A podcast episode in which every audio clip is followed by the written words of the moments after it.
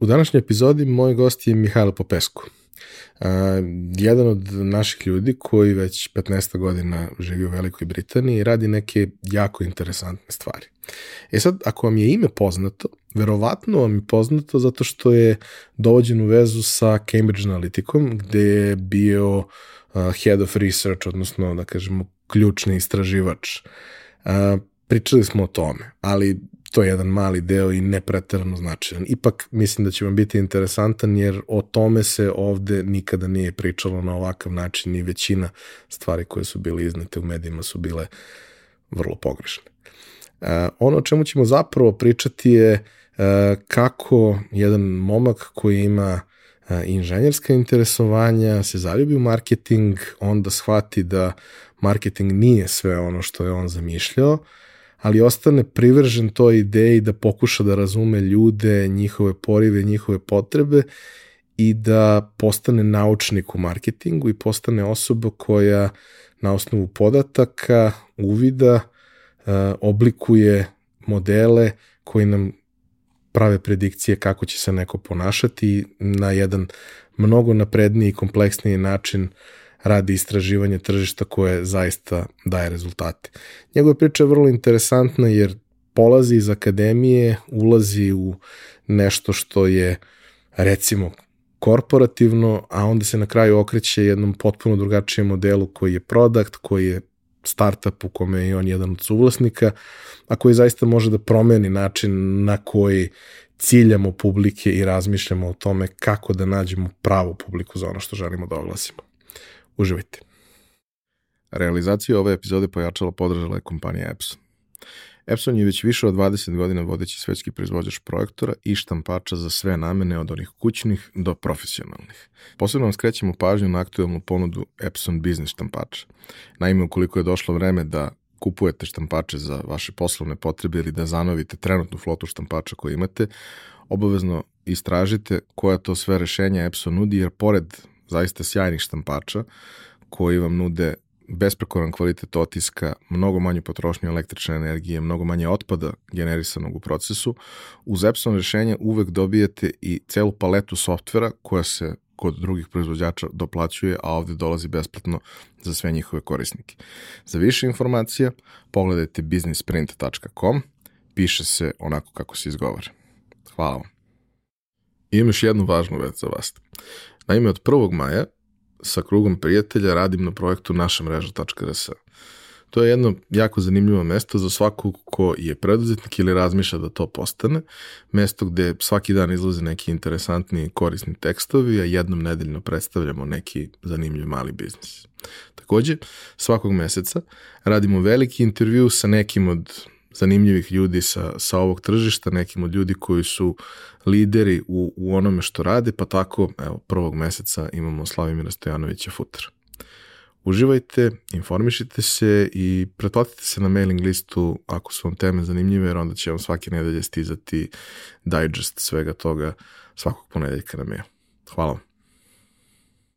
Za slučaj da želite da nas podržite vi individualno, uh, možete da posetite link u opisu podcasta na platformi Buy Me A Coffee i tu možete kupiti mesečnu pretplatu ili jednokratno donirati neki jednost koji želite. Hvala vam unapred na tom.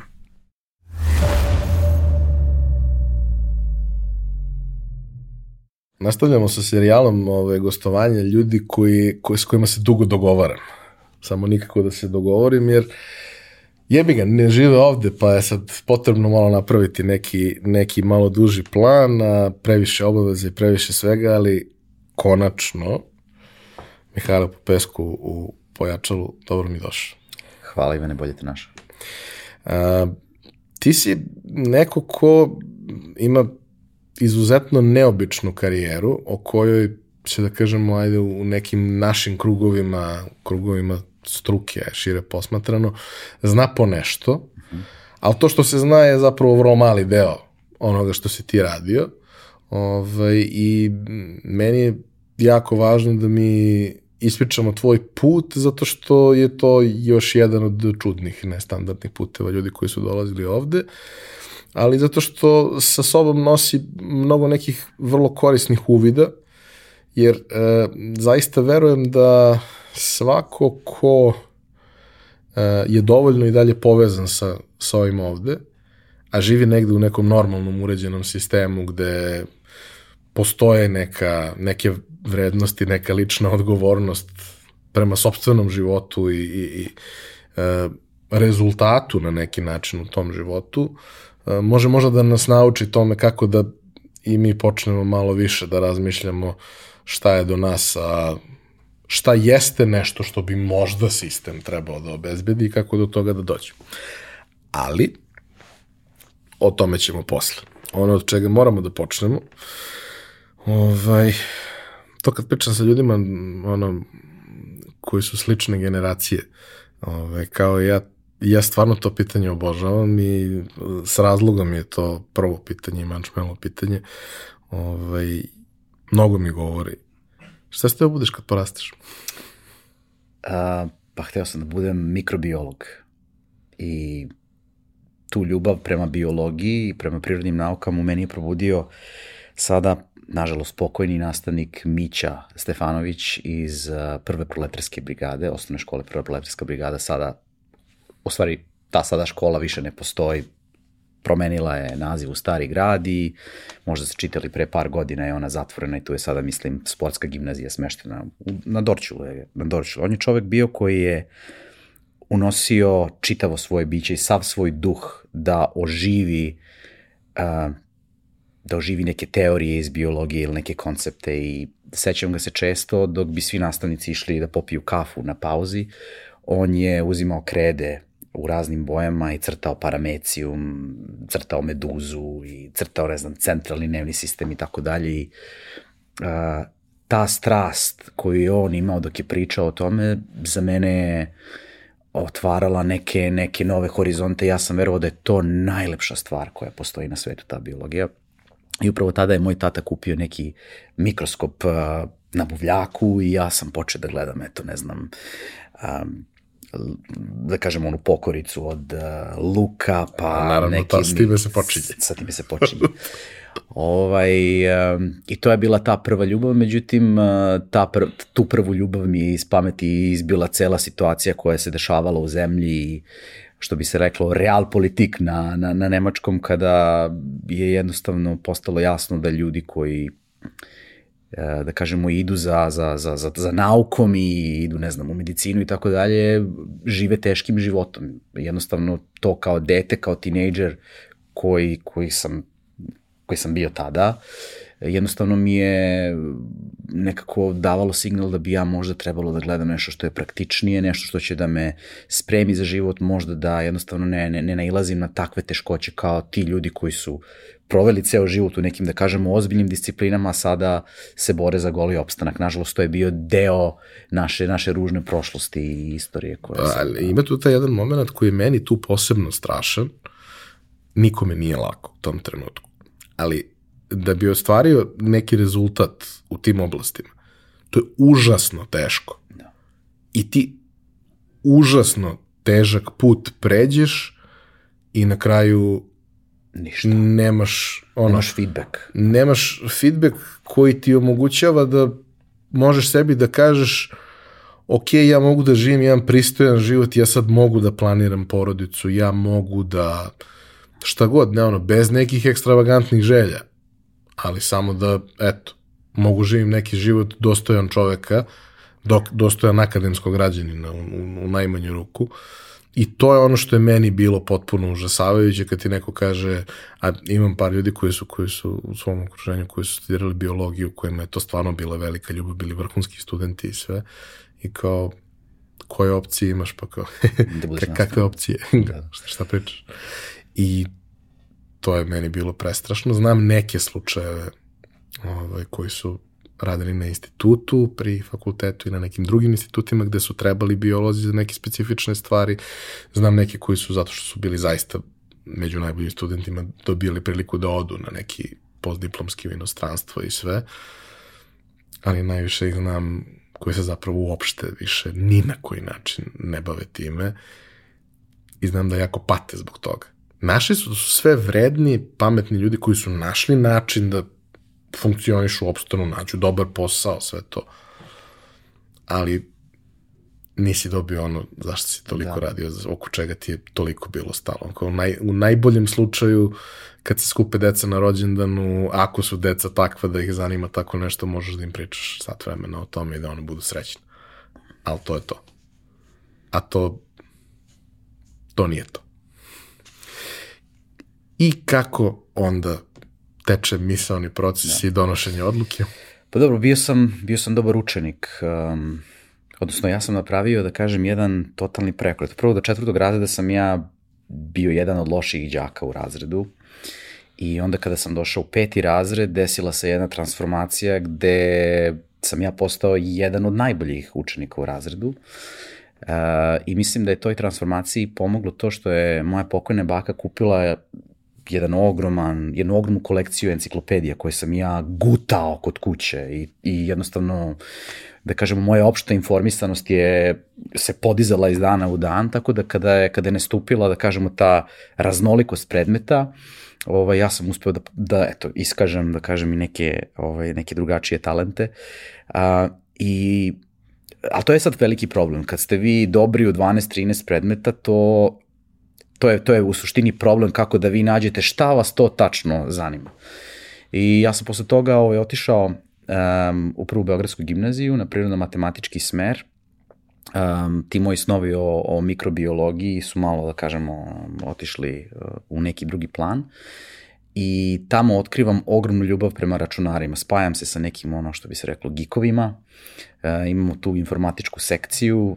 Prva Beogradska imala dobro opremljen kabinet I ja se sećam da sam neke 96. 97. napravio prvi website, koji je bio katastrofa, to sad kad se pogleda unazad, ne znam, imao sam neke banere od gifova koji su bili preteški da se učitaju i tako dalje.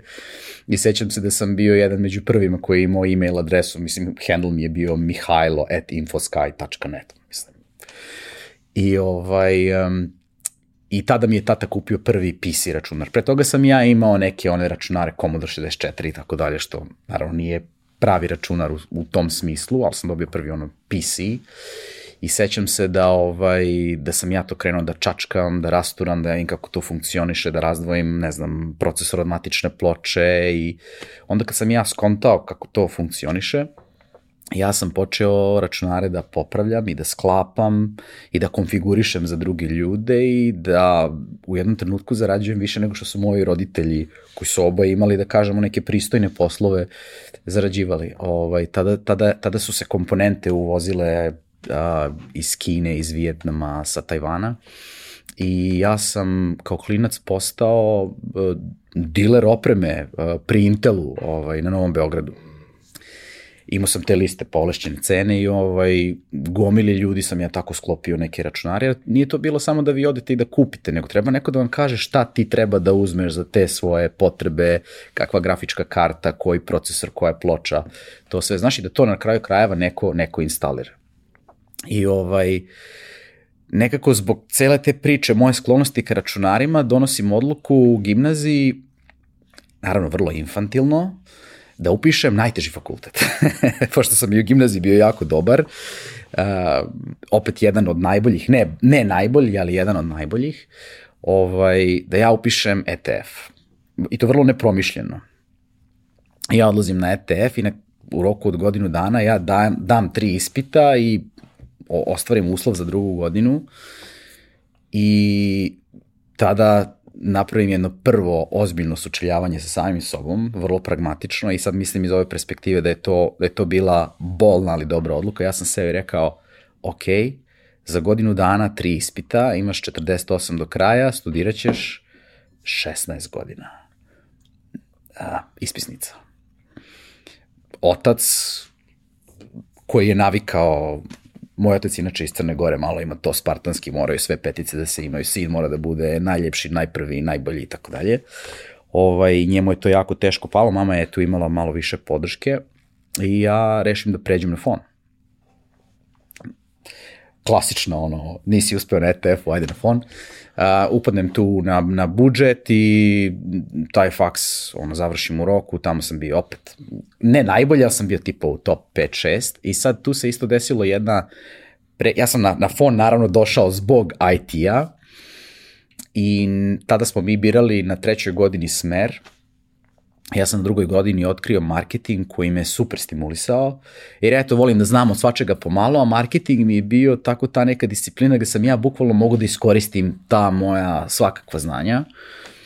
I ovaj i to je bila to je bila to je bio znači jedan aspekt odluke, a drugi aspekt odluke ja sam u tom trenutku pomislio toliko brzo napreduje tehnologija, toliko se brzo, ne znam, e, menja tech stack, toliko se razvijaju brzo ti e, programski jezici, da ja shvatam da ja u jednom trenutku verovatno više neću moći da pratim ili neću imati snage da ono da da pratim da će da će u jednom trenutku da me pregazi vreme. Imali smo neke profesore koji su se držali tada Paskala, znači desili su se umeđu vremenu neki novi sve. jezici i tako dalje. Sve. I sad ono profa i dalje priča o Paskalu, a ti znaš da ono imaš ono imaš PHP, imaš mnogo interesantnije jezike koje moraš koje možeš da koristiš, ali on je ne on, nego konkretno shvatio sam da u jednom trenutku taj taj upgrade biva sve teži i teži. I ja se odlučim za management, i to, to završim. Uh, interesantno je bilo, ja sam bio jedan, mene sad na fonu zovu, zovu protocaser. Uh, meni se jako, jako me je privlačilo da ja za neke kompanije rešim neki, neki ovaj, uh, uh, neki izazov i sa tim nekim mojim timom sa fona mi smo osvojili te prve nagrade na ono državnom planu, na međunarodnom planu i tako dalje i onda je to profesorka Vesna Damjanović e, čuvena sada preuzela je neku tu tehniku od nas i krenula je da razvija i sad je to ozbiljna priča. Isto sam osnovao STM iz frustracije što tada tih 2000, znači ranih 2000-ih mi nismo mogli da putujemo nigde, trebala je viza i jednostavno mislio sam čekaj, ja sam neki mlad čovek, studiram, ono, hoću da čujem šta studira onaj tamo u Portugali i onaj u Finskoj, da pokušam da ono se povežem sa, sa ljudima da čujem neke druge ideje. I zbog toga je nastao između ostalog i STM, jer on ima mrežu širom Evrope, mogli smo da putujemo, znači to STM je ono European uh, Association of Student of uh, Technical Engineering and Management, znači to je ono povezuje ljude iste, iste naše oblasti i uspeo sam to da dovedem na foni i onda sam diplomirao i put me, put me vodi dalje. Uh, vodi me konkretno u Veliku Britaniju na, na master. A kaži mi, ovaj, dok se sve to dešava, jer znači pričamo o nekim stvarima gde na svakom koraku tebi se otvaraju neki novi vidici. Da. Sad, ok, ti si, kao što si sam rekao, znaš svašta. Ja što volim da, da kažem, znaš gomilu gluposti. Da, da, da. Kad se upotrebe, nisu gluposti. Gomila Dok se ne upotrebe, da. to je ono kao, znaš, master of useless knowledge. Ovaj, a nekako se uvek ispostavi da Tako je. to ima svoje. Ali dobro. Ovaj, ali prosto uh, kroz svaki korak tebi se otvaraju neki novi vidici, ti vidiš neke nove mogućnosti, svašta nešto se tu dešava i uh, neću reći ništa novo i neću reći prvi put da meni fon nije omiljeni fakultet. Ovaj, ja uopšte nemam problem sa tim šta se uči na fonu, ja imam problem sa tim što mnogo klinaca izađe sa fona sa jako pogrešnim mindsetom, mm -hmm. mindsetom da su bogom dani, Ovaj, što mogu da razumem nekog ko, ko završi ETF, jer ako je uspeo da završi i da ostane živ, mislim, za početak mu treba dati ordena, onda videti sve ostalo. Ovaj, ali ono što meni jeste sjajno uvijek bilo kod fona, jeste ta uh, aktuelnost, u mnogim slučajevima neka životnost toga što učiš nešto što ti učiš, pa možeš ga primeniš preko sutra uh -huh. u nekoj situaciji. Uh, dosta tih prilika za prakse u različitim oblicima, prakse, prakse, prakse, a prakse i da prosto imaš negde neki kontakt, imaš negde neku priliku da projektno radiš nešto i slično. I e, mislim da je fon za ljude koji hoće nešto više u životu nakon osnovnih studija, jedno sjajno mesto da prikupe gomilu informacija, gomilu kontakata, da se jako dobro orijentišu u tome šta može i da onda da urade nešto smisleno. Jer realno sa tim korpusom znanja ti možeš da radiš nešto. Nikakav problem. Bilo gde u marketingu, bilo gde na neki junior management, pa lagano, jel? Ali nije sad da si ti neko ko je neophodan negde šraf i da svi samo čekaju da se ti pojaviš. Ti još 300 istih ste, ti još 300 istih, osim ako baš se ne ističeš. I uvek mi je taj moment kao uh, kad tokom fakulteta ti počinješ da kapiraš tu neke stvari, vidiš, razmišljaš šta ti se sviđa, razmišljaš u kom smeru dalje i ta odluka šta dalje kod vas koji ste otišli na nešto konkretno. Da. Znači, ima mnogo ljudi koji završe, pa bude im to sve super relativno lako, završe, budu imaju dobre ocene, pa ostanu tu na masteru, pa onda ostanu na doktorskim, pa i kao, i šta? Ti si otišao među odrasle. Da. Ovaj, pa vidiš, to je vrlo interesantno pitanje. Um, ja moram da priznam da bilo je odluka u mom životu gde, u kojoj sam ja uskočio bez predumišljaja. Otvorila se prilika i ja sam procenio da u tom trenutku ja bolju priliku i alternativu nemam i ajmo da to teramo.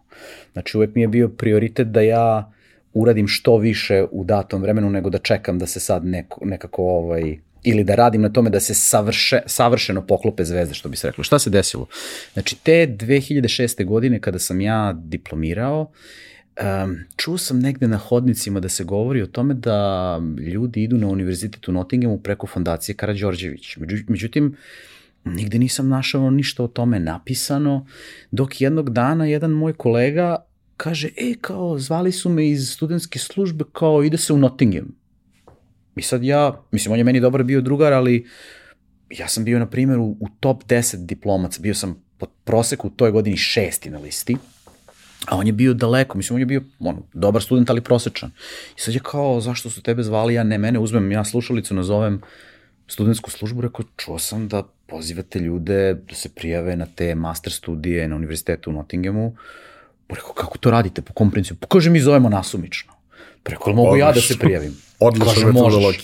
I sećam se ovaj, um, nas je bilo nekih 30, 30 safona i nama su oni rekli na fakultetu, mi vas sve podržavamo, imate naš blagoslov, nećemo mi nikoga da selektiramo, kad dođu ljudi iz Nottinghama, neka oni proberu koga će oni da vode. I sećam se, um, ljudi sa Nottinghama, kad kažem ljudi sa Nottinghama, znači ti um, uh, saradnici tamo na univerzitetu koji se bave regrutacijom studenta iz inostranstva. Oni su došli na univerzitet u Beogradu, imali smo tu intervjue i nikada mi ta slika neće, ovaj, neće iščeznuti, a to je, mi smo u sali na rektoratu i ta gospođa, ili gospođica Aleksandra Brokema, predstavnica univerziteta u Nottinghamu, pokazuje šta nam je sve potrebno dokumentacije da bismo mi uopšte aplicirali. I u tom trenutku pola sale, od, bilo nas je otprilike možda 130, pola sale ustaje i napušta odmah. I ja se razmišljam, ljudi, ono, zašto? Ovo je, ovo je 3-4 dana cimanja kroz administraciju, ovo se sakuplja, a neko je došao da vam ovde da školarinu i stipendiju koje zajedno vrede u tom trenutku 30.000 evra. I A šta, recimo, a šta, šta je od papira? Pa od papira, na primer, ne znam, prevod ne znam, izvoda sa fakulteta o vašim, pre, znači, ono, prepisa svedočanstva, prevod na engleski od sudskog tumača, ne znam, onda da uradite sken pluća i tako dalje. Bilo tih nekih, nekih dve, tri preporuke, um, ne znam, potvrda o finansijskim sredstvima koje naravno... Ništa što nije... Ništa, pa to je sve ono, to će da se sakupi, ali mnogim ljudima je to cimanje. Ja sam shvatio da gomilu puta, mislim, mogu da ti ispričam x slučajeva gde sam ja kroz administraciju prošao super samo zato što sam bio uporan. Znaš, naoružaš se time da ono administracija, to je ono... Biološki neprijatelj. Ne neprijatelj, ali ti ćeš da ono, da sakupiš te poda, sakupit ćeš uredno to što ti treba i prolaziš. I onda sam posle pričao s nekim ljudima koji su odustali, bio je taj stav, ne mogu ja da se cimam za to. Znači, ono šta hoćeš, da te neko uhvati za ruke, da te stavi ono u avion, znači moraš i ti jedan deo priče da odradiš. I ono, gomilu puta mi je u životu ovaj, pomoglo to što sam bio spreman da istrpim neke stvari koje nisu baš najprijatnije da bi došao do velike nagrade. I na kraju, to imao sam sreću, bio sam izabran u tih, ne znam, pet studenta koji su oni, koji, koji su odlazili na tu poslovnu školu ili o, biznis školu na univerzitetu u Nottinghamu i tamo odlazim ponovo da studiram marketing koji sam studirao na, na, na fonu i uh, tu dolazi, u te prve dve, tri nedelje na fonu dolazi do smaka moga sveta. Do prve dve, tri nedelje u Nottinghamu. U Nottinghamu mm. dolazi do jednog smaka moga sveta gde se ja sećam da sam ja, ja sam bio u suzama. Zato što ovo što si ti malo pre rekao, ti sa fona izađeš sa jednim stavom koji nije koristan, a ovaj, izađeš prvo, ako izađeš sa nekim velikim prosekom kao što sam ja izašao, ti imaš stav da ti sve znaš.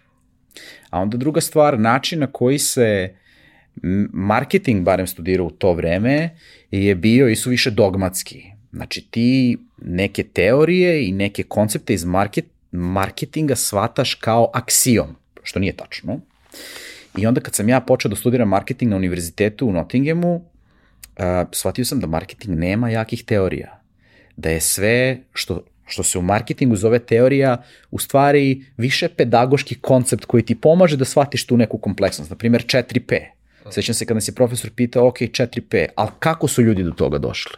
I onda nam je čovjek pokazao da je ono, neki, neki Baja 1950. godine napravio ne, listu od nekih 17 elemenata koji su važni za marketing, a onda je rekao, ma ta je lista previše dugo, ja ću to da spakujem u četiri itema. I tako je nastao 4P. I šta za, bi moglo, a da bude jednostavno, da se lako je to, Za mene je 4P bilo ono, sveto pismo, sveto pismo. I sad odjednom ti dolaziš u situaciju kad shvataš I sad bilo je tu gomila primera gde su oni pokazivali da to što mi verujemo da je ono kao solid koncept, da je čvrst koncept u marketingu, da ne radi ovde u praksi, ne radi onda u praksi, da, da to ne može da se osloniš. I ja onda u tom trenutku shvatam, ja ne mogu ni ništa da se oslonim. Ni, ni na jedan od tih koncepata koje sam naučio ranije.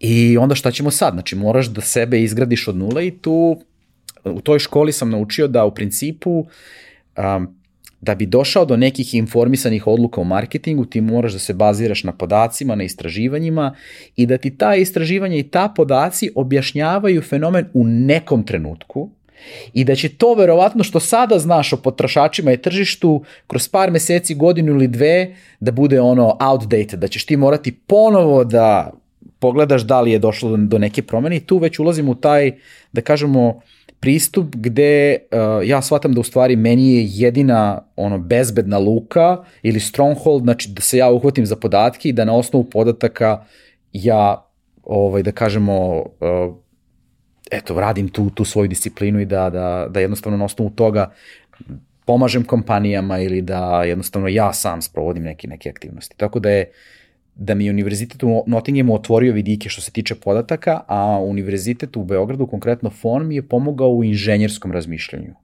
Da u suštini tražim strukture, dok sam ovamo dobio ipak neki ono malo, malo druga, komplementaran set, set veština. Koje godine pričamo? Pričamo o 2007.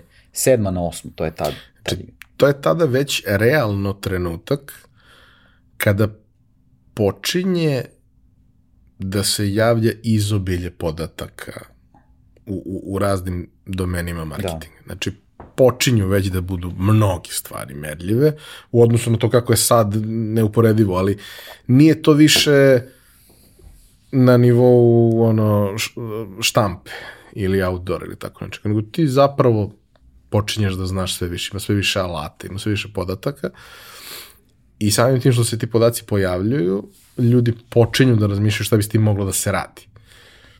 Pa je trebalo neko vreme dok se nisu ustanovile neke dobre prakse, neki načini modeliranja posle toga svega, pravljenja od toga ne, nekih konkretnih stvari, platformi koje utilizuju neke od tih stvari Jer kao, mislim, šta tebi znači i da znaš nešto ako ne možeš da customizuješ experience korisnika. Ti znaš ko čita tvoje novine, ali ti jedino što možeš je da prikažeš flat banner, pa ako se uklapa u to šta ko, ko ona publika dominantno da odgovara, onda super. Ali počinje da se pojavljaju masovne platforme koje znaju ko si ti i znaju samim tim šta bi trebalo da ti serviraju, odnosno daju mogućnost nekome da preciznije gađa ono ko, ko konzumira nekakav sadržaj u kome ima prostor za oglasne poruke.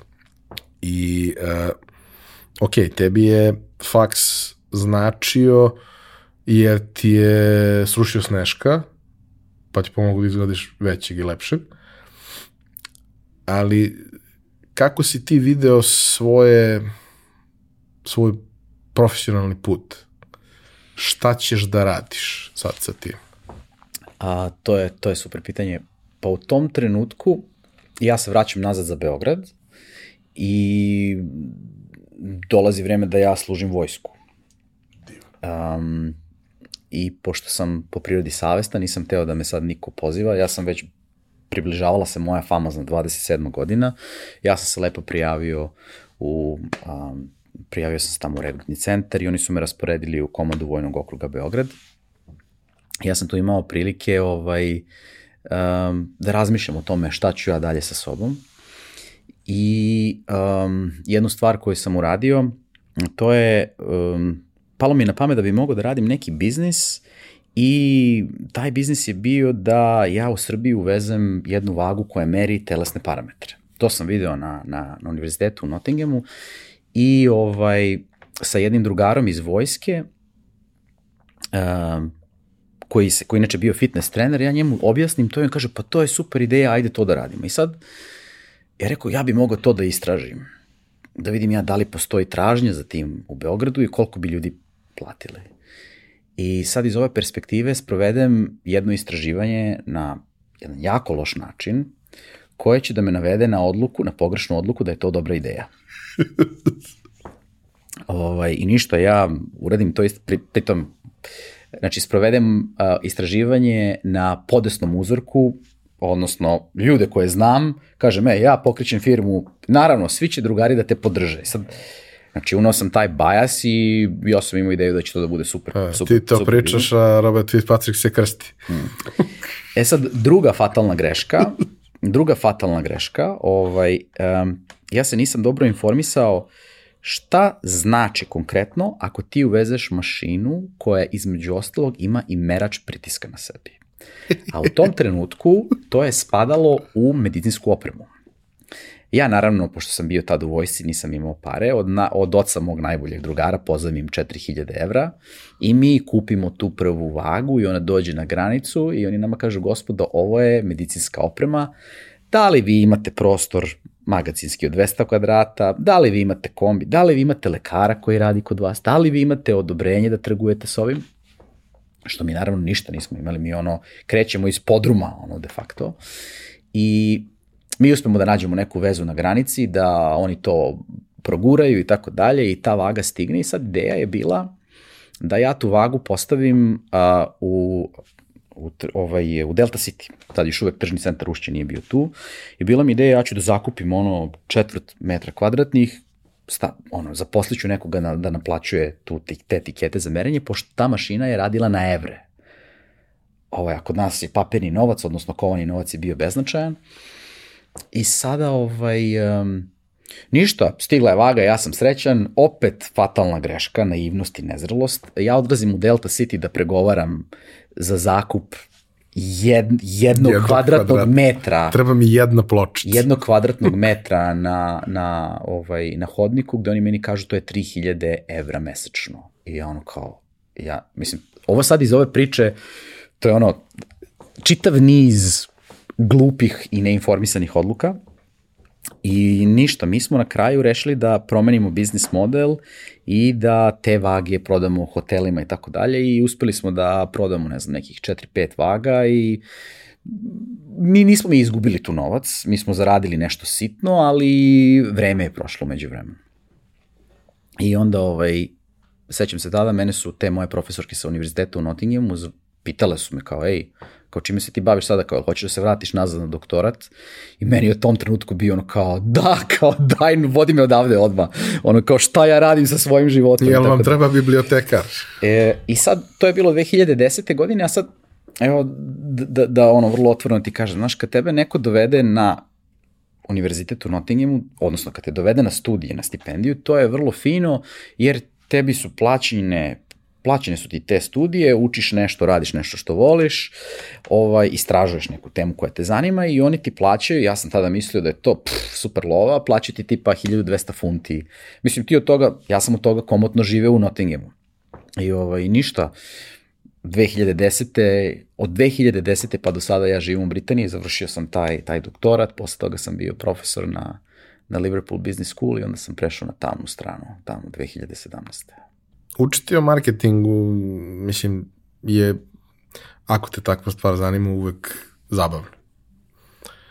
I gde god da učiš, mislim šta god da učiš, ako si tabula raza, od kog god suvoparnog materijala da kreneš, to vrlo brzo postane zanimljivo, zato što je sama oblast takva. Ona I je zastarelo. vrlo- Ok, ali kao, znaš, od nečega treba da kreneš. Ja duboko verujem u to da bi svako trebalo da zna šta je prethodilo ovome što je danas. Da.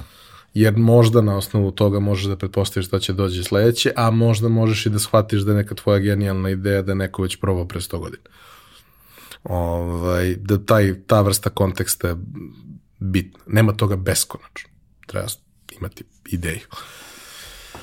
Ali, mislim, ono, postoje dva mesta na svetu gde je marketing marketing, a to su London, odnosno, ok, UK i New York. Sve drugo je ok, ali nije Liga šampiona. To je Liga šampiona i to je ono, Liga šampiona i NBA, pa sad šta te, šta te više loži. Ovaj, imam par prijatelja koji su prošli i iskustvo studiranja tamo, obično klasičnih studija, redko ko na ovim ono, doktorskim ili postdokovim da. i slično. Ovaj, I oni su uglavnom nakon toga imali neko agencijsko iskustvo, jer naravno san je bio da se radi u agenciji, jer agencije iz Londona rade najmagičnije stvari na svetu, pa onda shvatiš da rade, ali imaju jako mnogo ovih glupih i dosadnih, jer to je deo posla. Ali svi o tome pričaju kao o, o nečemu što ti jednostavno beskrajno proširi vidike i kapacitete. Prvo vidike, a onda shvatiš da, da bi imao šta da tražiš tu, ti moraš da dorasteš mestu na kome si. Jer ti ovde, ako te zanima, ti si relativno lako u top 5% najboljih u svemu. Jer jednostavno ljudi se ne cimaju.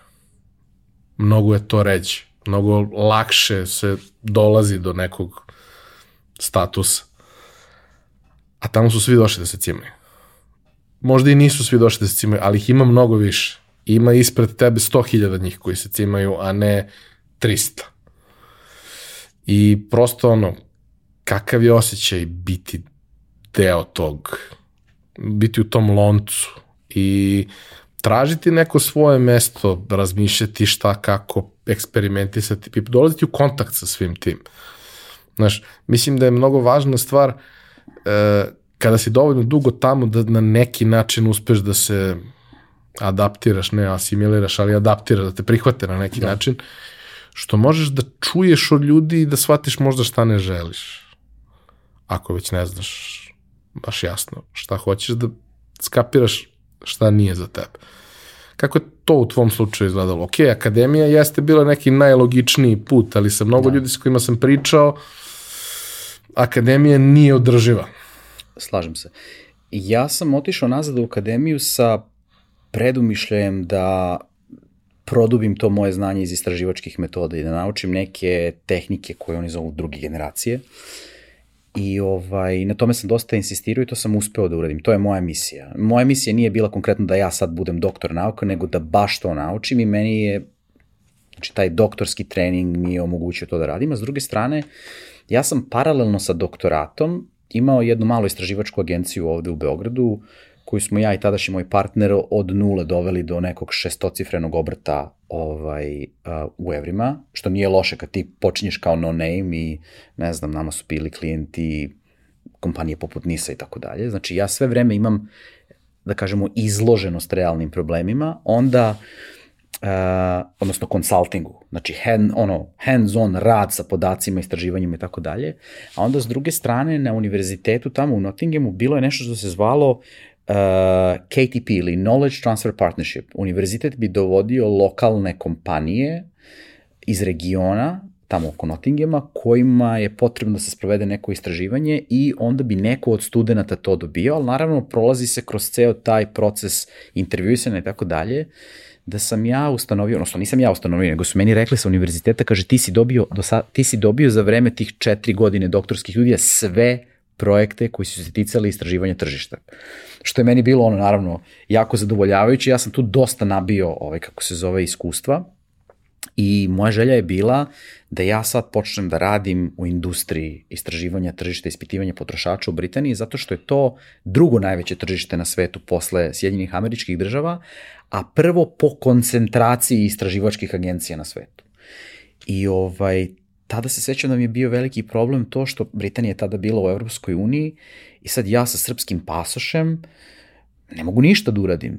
Nisam konkurentan na tržištu rada, makoliko ja znao, zato što neko ko bi teo mene da zaposli mora da čeka na mene 3-4 meseca dok se meni završi viza i tako dalje, to su dodatni troškovi, a onda se ne zna da li ćeš se ti primiti u tom novom okruženju i to je svima malo rizik, ljudi hoće ta brza rešenja, tako da moja je, moj jedini izlaz u tom trenutku, iako sam želeo da ostanem tamo u Britaniji, bio da počnem da radim na univerzitetu. I, znači, moja prva prva uloga, bio sam docent ili senior lecturer na Liverpool Business School. Tako da je to isto bilo neko interesantno iskustvo i moje jedno oko je uvek pratilo šta se dešava u industriji, da li ja mogu da dobijem neku poziciju i ta prva pozicija je bila čuvena Cambridge Analytica. Mm, pričat ćemo, pričat ćemo o tome. Mislim, jeste to nešto po čemu se tvoje ime najviše da. ovde pojavljivalo. Volao bih da pričamo o tome zato što kontekst kako je to ovde predstavljeno je meni mislim, da. šarlatanski, malo ovako idiotski, ali okej. Okay. Ove, zato, zato i hoću da, da to bude jedna tema.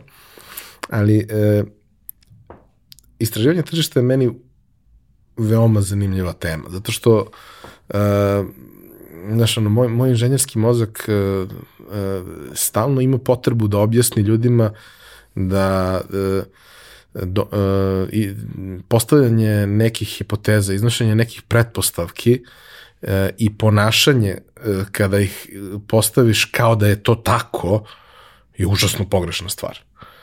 Znači, i ono što isto ono stalno jeli, ovaj, pričamo, to je da korelacija ne znači kao zalost. Da.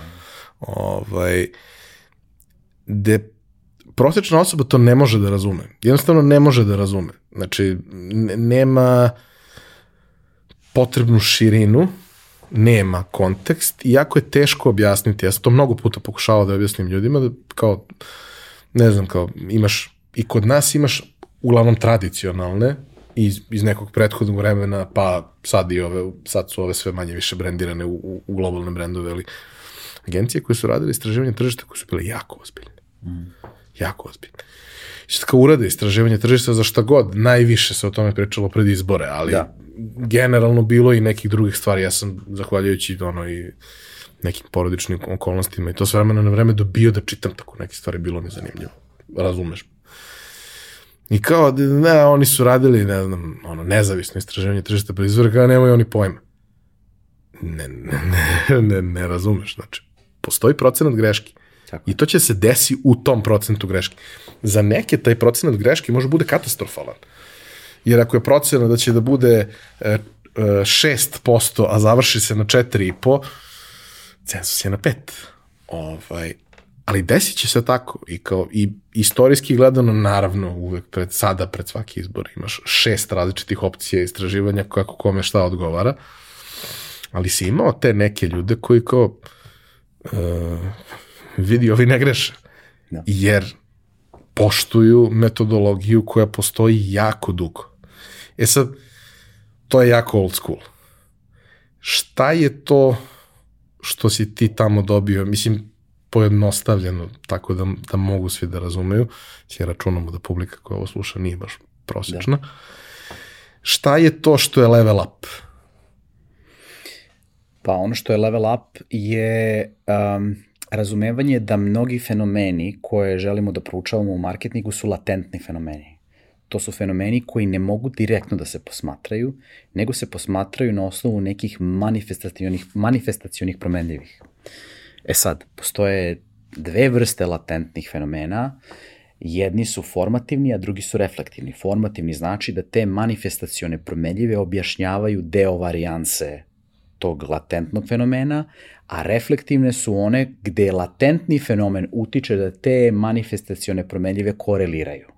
Daj primer. Um, na primer, stres. Ja tvoj stres ne mogu da izmerim direktno, ali mogu da vidim, na primer, da ti se znoje dlanovi, da si pocrvene u licu, da se znojiš, da imaš hiperventilaciju. Da, ako mogu da ti izmerim ako parametre. Ako mogu da ti izmerim parametre i ja ne mogu da znam da li si ti sad, na primjer, seksualno uzbuđen ili si srećan ili si pod stresom. Kad bi ti uzeo, na primjer, malo krvi, mogu bi da vidim da tu ima adrenalin. Znači, pa mogu da kažem, ok, ali dajem plastičan primer. Vrlo često, ako sam ja to dobro razumeo i kad sam ja to nešto čitao, vrlo često ti zapravo kroz to mnogo više možeš da odbaciš mogućnosti nego što možeš da odrediš mogućnosti. Da. Kao, ok, ovo nije, ovo nije, ovo nije, ostaju ove tri stvari. Da. Ali to je dobro zato što smo imali osam, pa da. je procenat šanse za grešku manji. Na primjer, u marketingu neki od tih latentnih fenomena su lojalnost brendu, pa onda, na primjer, um, reputacija nekog brenda i tako dalje. Uh, iz psihologije mi dosta pozajemljaju stvari, na primjer, crte ličnosti. Sad se tu vodi ono, polemika da li je to korisno, onaj čuveni Ocean, oni pet velikih crta ličnosti, sad postoje neki okvir gde se govori o šest crta ličnosti i tako dalje. Tu znači postoje neke baterije koje su psiholozi na osnovu nekih svojih studija odredili da, na primjer, imaš te ono kao te neke stavove koje ti rangiraš na osnovu nekih Likirtovih skala i onda one određuju, na osnovu njih merim neku tvoju crtu ličnosti i tako dalje. E sad šta je interesantno? Nije nama nikada u interesu da mi sad merimo jednu latentnu promenljivu, nego da mi napravimo jednu šemu čitavog niza latentnih promenljivih koji su međusobno povezani i da dokazujemo ko, šta utiče na šta. Tako da, na primer, pominjao sam, na primer, reputaciju neke zemlje, znaš, koji su to faktori koji utiču što, zašto ćeš ti, na primer, ne znam, Meksiko da posmatraš na jedan način, a ne znam, tvoj kolega, kamerman na drugi način. Šta je dovelo do toga, šta je obojilo tvoj utisak? Kognitivni i afektivni. I kako se posle te tvoje brze i spore reakcije, što bi rekao Kahneman, kako se to posle preliva u tvoje namere. Da tamo putuješ, da možda konzumiraš neke proizvode iz Meksika, da možda, na primer, čitaš nešto o Meksiku ili da nešto šeruješ na internetu o tome. Tako da, ovaj, kad mi kao marketari znamo šta dovodi ne znam, do tvoje namere da putuješ tamo ili šta te sprečava, mi tačno znamo koje su to poluge koje možemo da koristimo da te podstaknemo na, na ta takav, naravno, ne možeš ti nikog, nikome da ispereš mozak, ali možeš da podstičeš neko, neko željeno ponašanje ili da neko neželjeno ponašanje suzbijaš. Tako, na primjer, imao sam jednu studiju u Makedoniji nedavno koja je pratila, na primjer, koja je posmatrala šta to utiče na to da ljudi se opredele ili ne opredele za COVID vakcinu ili za booster. I onda posmatramo te faktore i onda možemo da dajemo predloge onima koji sprovode policy kako da postaknu ljude koji baš nisu sigurni da li bi trebalo da, da se vakcinišu. To je sad, da kažemo, kontroverzna tema malo, pošto deli javnost, ali je bilo interesantno ovaj, u tom smislu da jednostavno možeš kroz razumevanje šta utiče na neko ponašanje ili neki stav da savetuješ donosioce odluka kako da se postave u komunikaciji prema određenim grupama koji, na primjer, odbijaju ili nisu sigurne ili im treba neki podstica ili neki reassurance da da, na primjer, uzmu, uzmu neku vakcinu. Dobar primjer. Aktuelan.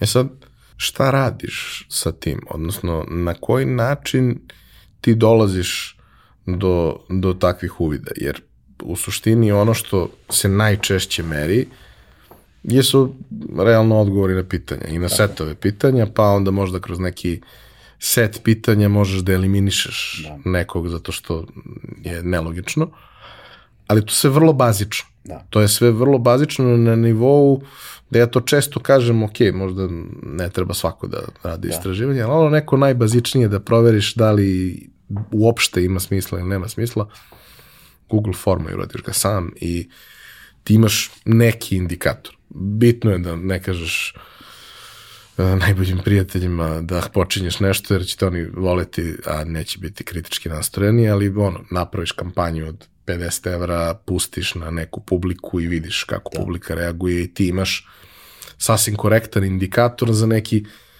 početak.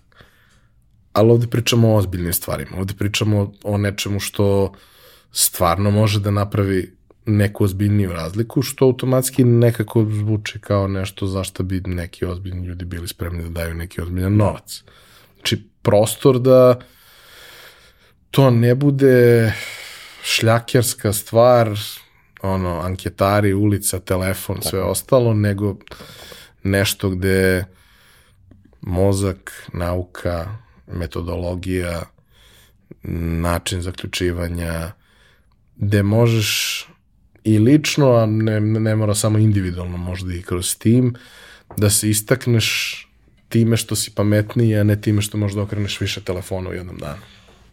Da. Pa ovo što si ti sad spomenuo, e, prosečan čovek koji ima neku informisanost o istraživanju tržišta, on zamišlja to kao ona izveštaj gde se vide, ne znam, ona pie charts i gde se vide histogrami i tako dalje, gde, gde, se, da, gde se daje pregled nalaza ili saznanja na nekom uzorku i onda se kaže uzorak ima toliko i toliko grešku i tako dalje. To je ono standardno čemu smo mi izloženi. To je ono što ja zovem istraživanje prve generacije, to je ono deskriptivna statistika i tako dalje.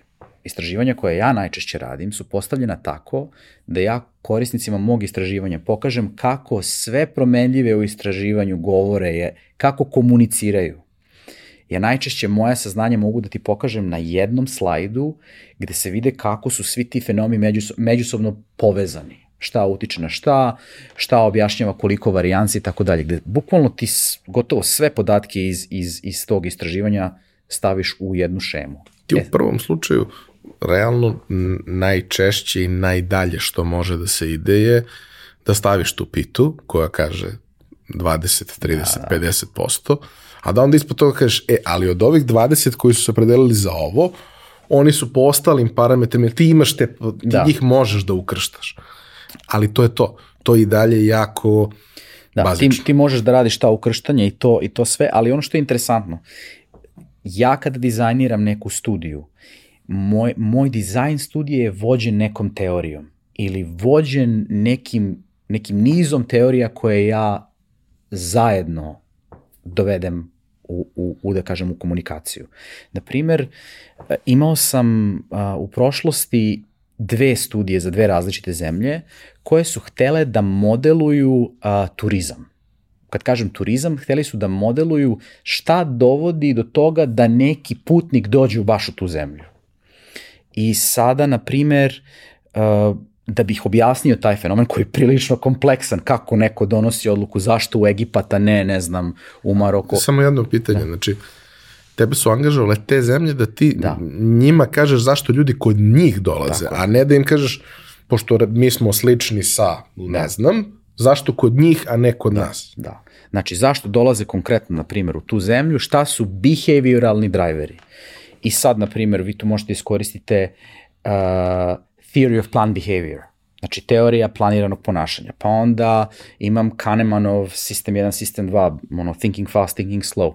Pa onda ima, na primer, uh, zove se uh, Plog, to je autor koji je napravio jednu psihometrijsku skalu putnika koji je objasnio da postoje različiti psihološki profili, gde imate jedan ekstrem, to su ljudi koji idu isključivo uh, na, na turističke destinacije koje su strukturirane, gde je turizam razvijen, gde je ono, sve convenient, da imate drugi ekstrem, to su ljudi koji idu ono, ono off track, znači on ide na neku destinaciju koju još niko nije našao, ide gde nema nikakve infrastrukture zato što njih uzbuđuje, a većina ljudi je negde u sredini, bukvalno se formira da, i tako vi onda pokušate da, ne znam, pomirite tih par teorija da biste napravili, da kažemo, taj strukturni model i poenta cele priče je da ja objasnim taj neki ciljni fenomen. Znači u ovom trenutku odluka da se ide, na primjer, u Egipat ili namera da se putuje u Egipat i poenta mi je da objasnim veliki deo varijanse tog fenomena. Kad kažem varijanse, znači to je, da kažemo,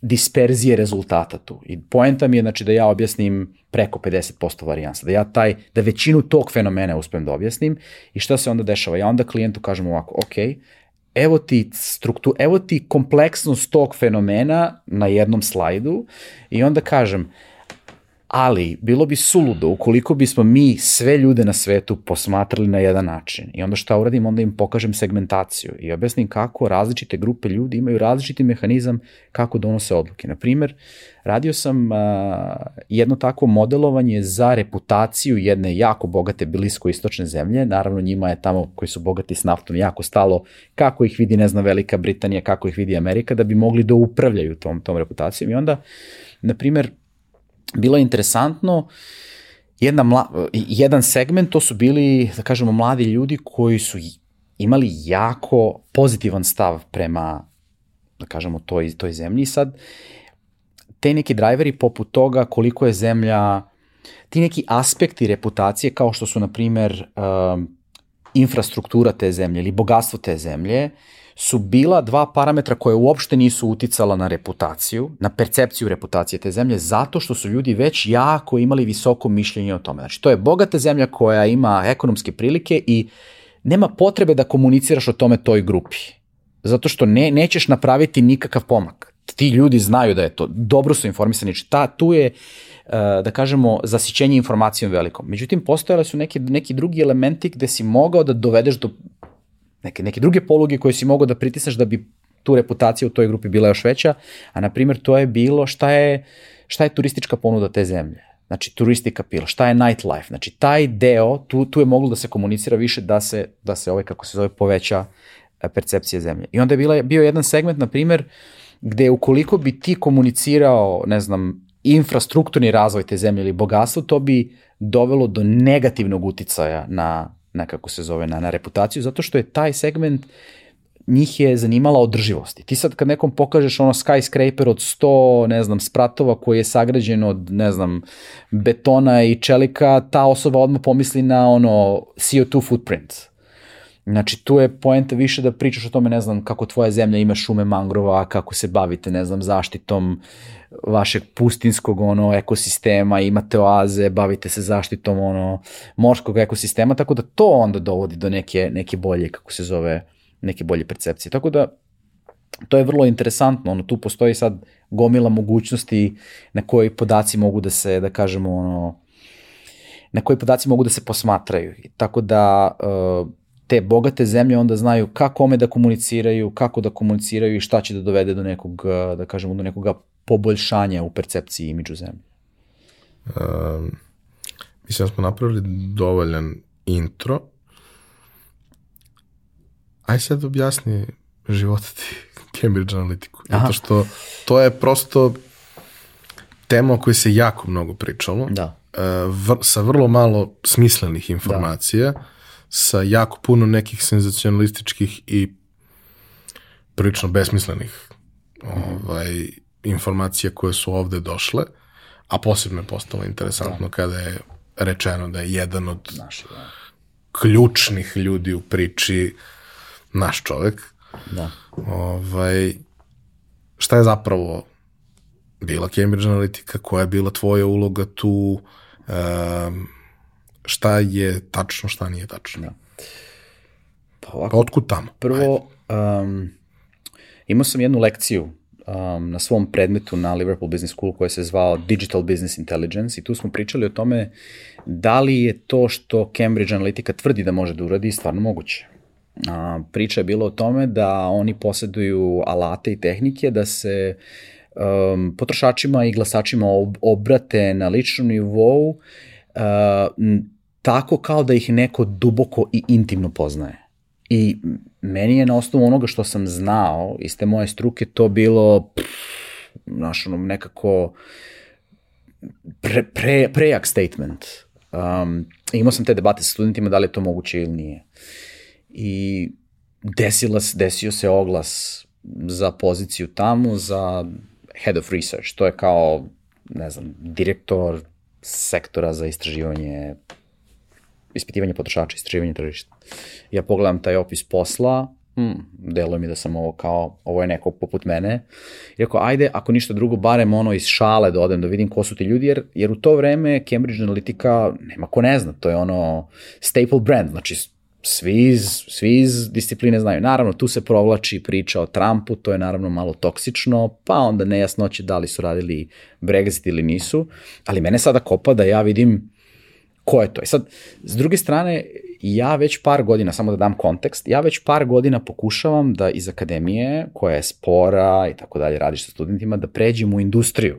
Da, da ono, probam, da probam ono real thing, što bi se rekao. Da.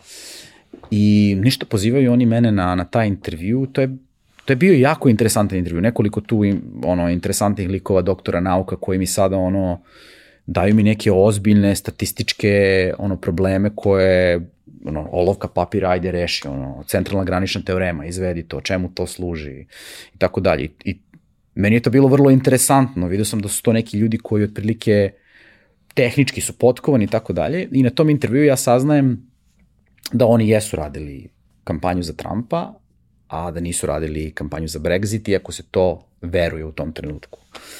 I ništa, ja dobijam taj posao i odlučujem se da pređem za London i da počnem da tu radim. I um, ubrzo dobijam odgovore na, tam, na to veliko pitanje koje sam imao, da li, da li stvarno oni mogu da pričaju na tom individualnom nivou? Ne mogu. Znači oni mogu da komuniciraju ka nekom segmentu sa nekom porukom koja je podesna za taj segment. Ali ako dovoljno ih segmentiraš, ta poruka može da deluje kao da je... Da, ali na primjer u toj firmi ja nikada nisam video rešenja koje su išla na ne znam na više od 6-7 segmenta. Znaš, to je opet ono... Ali imaš taj moment, mislim, ono, imaš te priče, ako pričamo ono iz da. storytellinga, imaš te priče koje kada pročita ono 80% ljudi u fazonu, ovo je moj život. Da. Zato što žele da veruju. E sad, da, da, da, to je moguće kad radiš to. Da ali je malo drugačije da. kad treba neku konkretnu poruku da, da preneseš. E sada, ovaj, ja sam, ja sam jako dobro radio te segmentacije i ovaj, pošto ja sam bio ono što se zove full stack researcher, znači ja jako dobro poznajem statistiku, poznajem istraživačke metode, izlupao sam se na svom slučaju sa svojom lovom, znam kako ne treba, Ovaj, i, umeđu vremenu sam stekao dosta praktičnog iskustva, što kroz univerzitet, što kroz taj svoj neki, ovaj, e, tu neku agenciju koju sam ranije imao u Srbiji. I uh, ja sam radio sa jako ozbiljnim kompanijama uh, na spajanju, znači ono, transakcionih podataka, pričam o svom prethodnom iskustvu, znači kombinacija transakcionih podataka sa podacima iz ankete i tako dalje tako dalje, sa nekim od najvećih gamerskih kompanija ovde u Srbiji, to je bilo ono, to je bilo vrlo uspešno i to je mene na neki način prodalo uh, u Cambridge Analytici. To je bilo njima oduševljenje zato što sam ja već imao te elemente koji, koji su se njima dopadali. I onda ja dolazim tamo i na moje veliko razočarenje uh, vidim da se te segmentacije rade na jedan ono suboptimalan način, nema nikakvih podataka koje sam ja slušao da se koriste. Znači, ono, bila je priča Cambridge Analytica ima pristup Facebook podacima na česmu i tako dalje. Mislim, svi podaci koji su dolazili tu bili su podaci koje smo mi sakupljali kroz istraživanje, ja sam bio za to zadužen. A u nekim slučajevima kada bi imao klijenta koji ima first party data koji ima svoje podatke, tada i te podatke analiziraš. I ovaj, uh, ništa, kompanija je na kraju, nakon šest meseci, je nestala pod pritiskom javnosti zato što se pojavio whistleblower koji je rekao da Facebook, Cambridge Analytica, Analytica koristi Facebook podatke, a šta je tu bila istina? Cambridge Analytica je uvek eksperimentisala i znam da je 2006. 17. 2016. 17. postojala je, postojala je taj, kako se zove, ta ideja da bi Facebook podaci mogli da budu interesantni. Jedan profesor sa univerziteta u Cambridge koji se zvao Aleksandar Kogan, on je imao aplikaciju koja je uh, radila onaj test vaših pet velikih crta da, da. ličnosti i to tada je, pošto to su rani dani, da kažemo, Facebooka, vi ste tada mogli na osnovu te aplikacije da saznate ko, znači neko ko je pustio taj uh, test u opticaj, da, da vidite onda ko su drugari onih koji su popunili i tako dalje, da ti bukvalno imaš snowballing tih podataka. I Facebook, uh, Cambridge Analytica je kupila 26 miliona profila i igrala se s tim profilima, ali je shvatila da im je to beskorisno. Jer to je snapshot ne, ne, nečijeg Facebook profila u jednom trenutku, a ti kao čovek evolviraš. Tvoje se interesovanja menjaju, ne tako preko noći, ali jednostavno zanimaju te druge stvari, počinješ da, ne znam, koristiš neke nove brendove ili da slušaš neku drugačiju muziku ili neke nove ono... No, imaš svakako taj moment da su podaci s vremenom sve lošiji. Da, znači, i od toga se odustalo. Uh, I onda naravno taj Chris Wiley se u jednom trenutku setio da bi to moglo iz nekih njegovih, ne znam, ličnih možda inter, in, in, ono, interesa, da to možda bude interesantno i on je, on je postao whistleblower, na primer, tri ili četiri godine, ne, tri, tri godine nakon što su se ti Facebook podaci bili koristili. Ovaj, I ništa, ja, ja nisam video Facebook podatke, ali sam video, na primer, da je taj šef u Cambridge Analytici, taj Alexander Nix, koji je bio vlasnik, da je on ono jedan čovek koji je malo izgubio kompas i pošto je Cambridge Analytica radila i sa političkim partijama i sa brendovima, on je umeo da tako radi overselling, da obećava neke stvari koje su tehnički neizvodljive ili nemoguće. I onda se desio taj snimak gde je on jednom novinaru koji se predstavljao kao politički klijent iz Sri Lanke obećao da on može da namesti seks aferu jednom, kako se zove, političaru i da ga, da ga onda kompanija snimi i da se onda on ucenjuje na osnovu toga.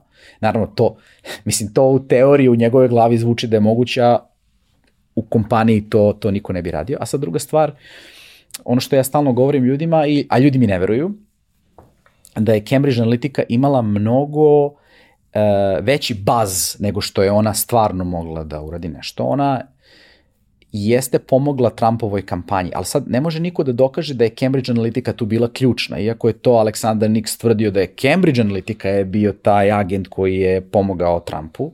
Jeste pomogao u tome da kroz statističke analize, izlaznosti i načine na koje razne, uh, razne uh, države u Sjedinjenim američkim državama glasaju, da im kaže, e, postoje ono tri swing states, znači države koje menjaju svoju poziciju, na to se fokusiraj i gledaj da tu ljudi glasaju za tebe, što se na kraju desilo. Znači, Trump je dobio ono swing states uh, i pobed, postoje predsednik sa uh, manje glasova nego Hillary Clinton, zato što je on dobio glasove tamo gde treba. Da, da, generalno, ceo taj njihov da. sistem je jako čudan iz ugla nekog da, ko ima jasno. prost sistem. Kao mi. Da. A elektorski sistem ti da. omogućava da ti neki da ti neki glas na kraju dana vredi više, a neki manje. Iako bi trebali da budu da. jednaki, zato što svaka država, mislim, pričam za, za one koji ne znaju, svaka država nosi određeni broj da.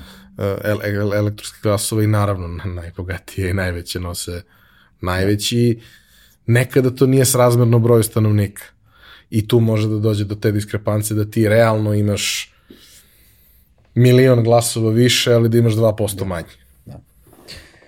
Za mene je konkretno za mene je Cambridge Analytica u stvari bila probijanje tog plafona od stakla.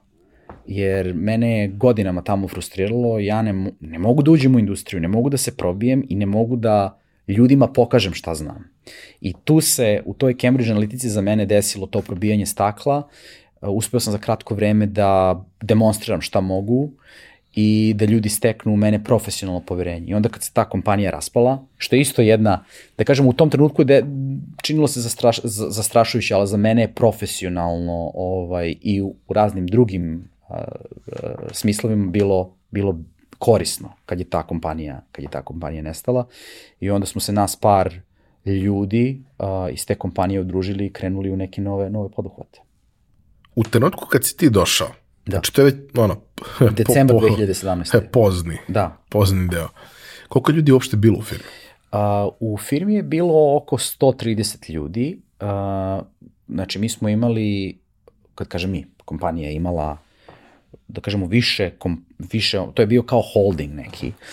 Uh, ja sam radio u uh, čerki firmi koja se zvala SCL Elections. To je, da kažemo, deo Cambridge Analytike u Britaniji a prava Cambridge Analytica, u smislu entitet koji, se, koji je stvarno nosio ime Cambridge Analytica, on se nalazio u Sjedinjama američkim državama. I tu je bio jedan ogranak, na primjer SCL Defense, koji se bavio vojskom i komuniciranjem u ratnim situacijama. To je, znate, ono kad vam padaju leci sa, sa neba i tako dalje. Znači, bio je SCL Elections, bio je SCL Commercial, SEL Commercial je radio samo sa kompanijama, SEL Elections naravno radio je ovaj izbore i bila je ta Cambridge Analytica kao ogranak u, u Sjedinjenim američkim državama. I preko, znači između tih 4-5 firmi bilo je nas otprilike oko 130. U Londonu gde sam ja radio na Oxford Streetu, tu je nas bilo 65. Kaži mi, ovaj, kada je to sve otešlo dođevo, Da. ovaj, ti si već bio neko ko je prepoznat u industriji. Sad, na nekoj ne baš idealnoj poziciji, da. jer ono kao radio si za ne bad guys, ali problematične, da. ali opet postojala je percepcija, posebno iz ugla nekog ko možda nije dovoljno duboko u industriji, da je to state of the art, da je da. to nešto najbolje što, što postoji u tom poslu. Ti sam kažeš da to baš i nije bilo tako, ali nije bitno. Jel? Percepcija je. Ono što je bitno, bitno je kako je javnost to doživjela. I ti, ja šta god da kažem, ja ne mogu to da promenim, jer jednostavno formiranje takav stav i to je to. Šta je bila ideja i, i mislim, na koji način ste se vi uh, udružili i sa kojim ciljem ste se udružili? A, pa ovako, i bukvalno par meseci pre nego što, je, što se desio kolaps, a, došla su dva investitora, jedan iz Emirata, jedan iz Hong Konga, koji su uložili nekoliko miliona dolara i oni su dva meseca nakon tog ulaganja u Cambridge Analytiku pukli. Znači, ostali su bez, bez tog uloga i onda su razmišljali šta da rade, zato što svidela mi se ideja da imaju jednu tako modernu teh kompaniju koja radi taj marketing vođen podacima. I onda je jedan od tih investitora, mlad momak iz, iz Emirata, Ahmed se zove, Ahmed Al-Hatib, um, on je u, u tom kriznom trenutku išao je kroz, kroz kompaniju, kad kad smo mi bili odsečeni, kad više nismo mogli ništa da radimo, ja sam ga uhvatio i rekao mu, slušaj, ako ovo hoćeš da spasiš, jedini način ti je da uhvatiš ključne ljude, znači stručnjake koji nemaju nikakve repove, koji nisu bili upleteni ni u Trumpa, niti u bilo kakvim razgovorima oko Brexit i da kreneš, da kreneš u novu priču. Što je on uradio i on je pokupio je nas nekoliko, osnovao je kompaniju koja se zvala Ospex International i uh, mi smo tu svi dobili neki mali share i krenuli smo da radimo isključivo političke, ovaj, političke projekte, to jest da radimo kampanje na da kažemo etički način, transparentan način.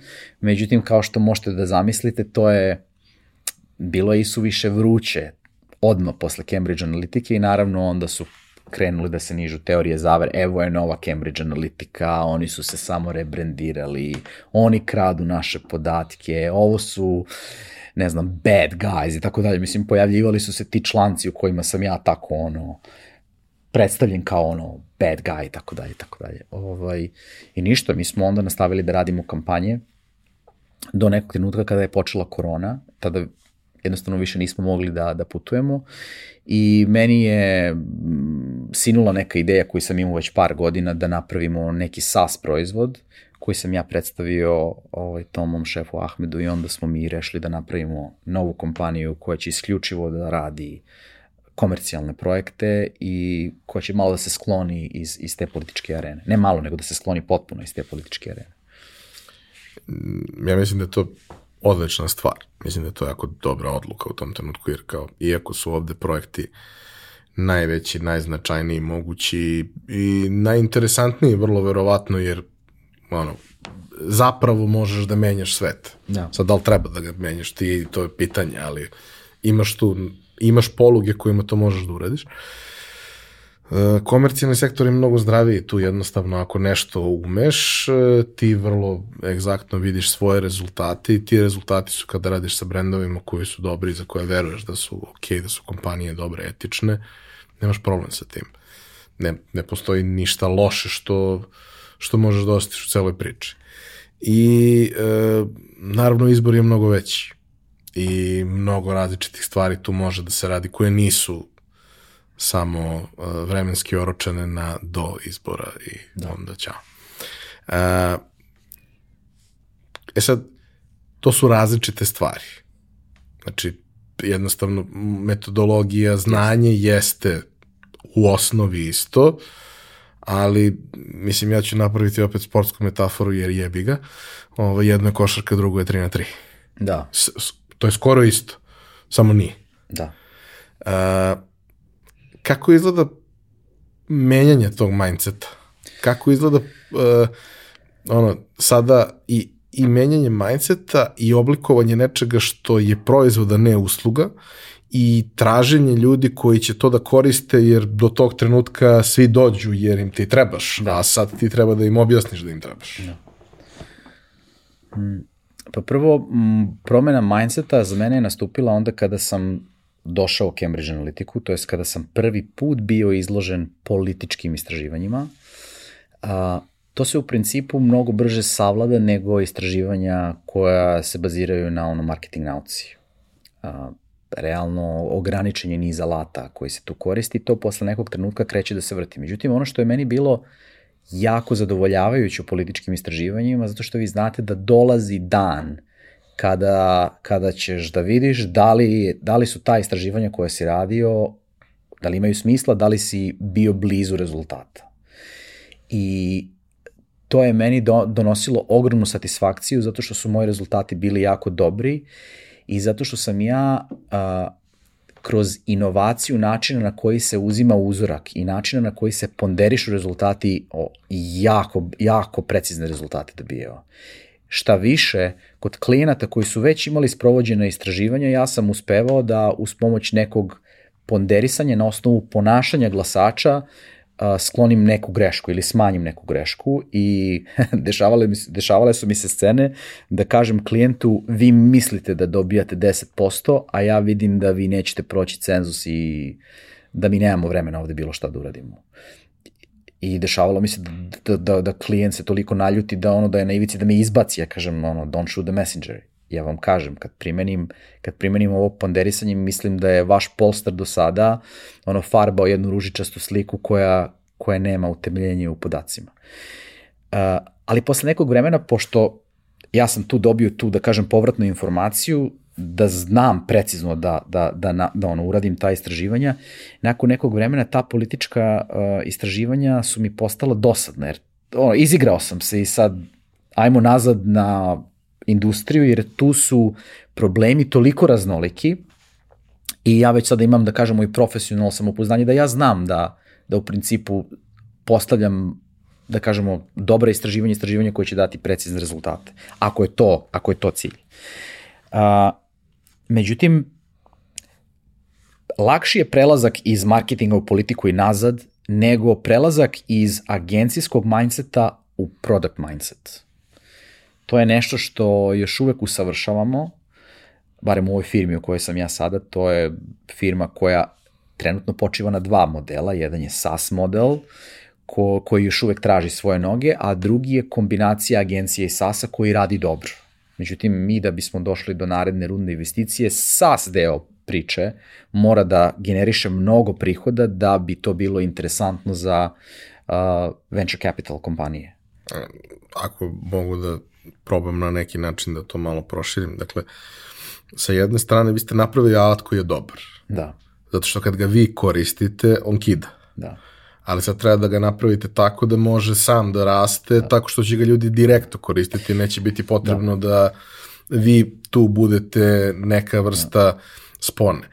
E, I naravno da to nije jednostavno, jer e, ono, ti ako pitaš glupo pitanje, dobit ćeš glup odgovor i to je jeli, naravno problem. Sjajno je da ste uspeli da napravite alat koji vama olakšava, ubrzava proces i daje vam ono neki ono breathing room u celom tom uh, slučaju. Ali upravo taj, taj moment je meni tu jako interesant. Znači, ok, uh, generalno klima za uh, investiranje u tu vrstu alata prikupljanja sredstava, za razvijanje takve vrste alata je dobro. Ljudima to jeste sve interesantnije, zato što postoji beskonačna količina podataka s kojima nemamo predstavu šta da radimo. I ti sada možeš, ne moraš, za mnoge stvari ne moraš ništa ni da pitaš, samo treba da uzmeš i ukrstiš na neki smislen način, pa možda eventualno da onda nešto -hmm. dodatno pitaš. Ali to je ono, kad imaš kad uđeš u, u, u ono kuhinju na nekom TV showu u kojoj ima sve, to je problem. Da. Zato što onda šta radiš kad imaš sve? Da. Mnogo je lakše kad imaš izbor tri stvari, pa ćeš ti da, da zabereš onu koja ti se najviše sviđa. Da.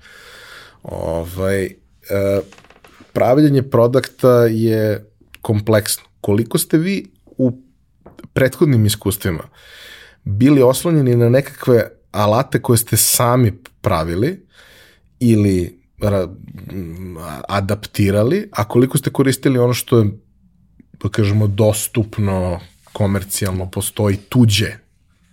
Ovako, mi smo uglavnom koristili off-the-shelf alate, znači gotove softverske pakete ili programske jezike poput Pythona da, da radimo analize. Uh, tajni sos svega je u stvari bilo istraživanje.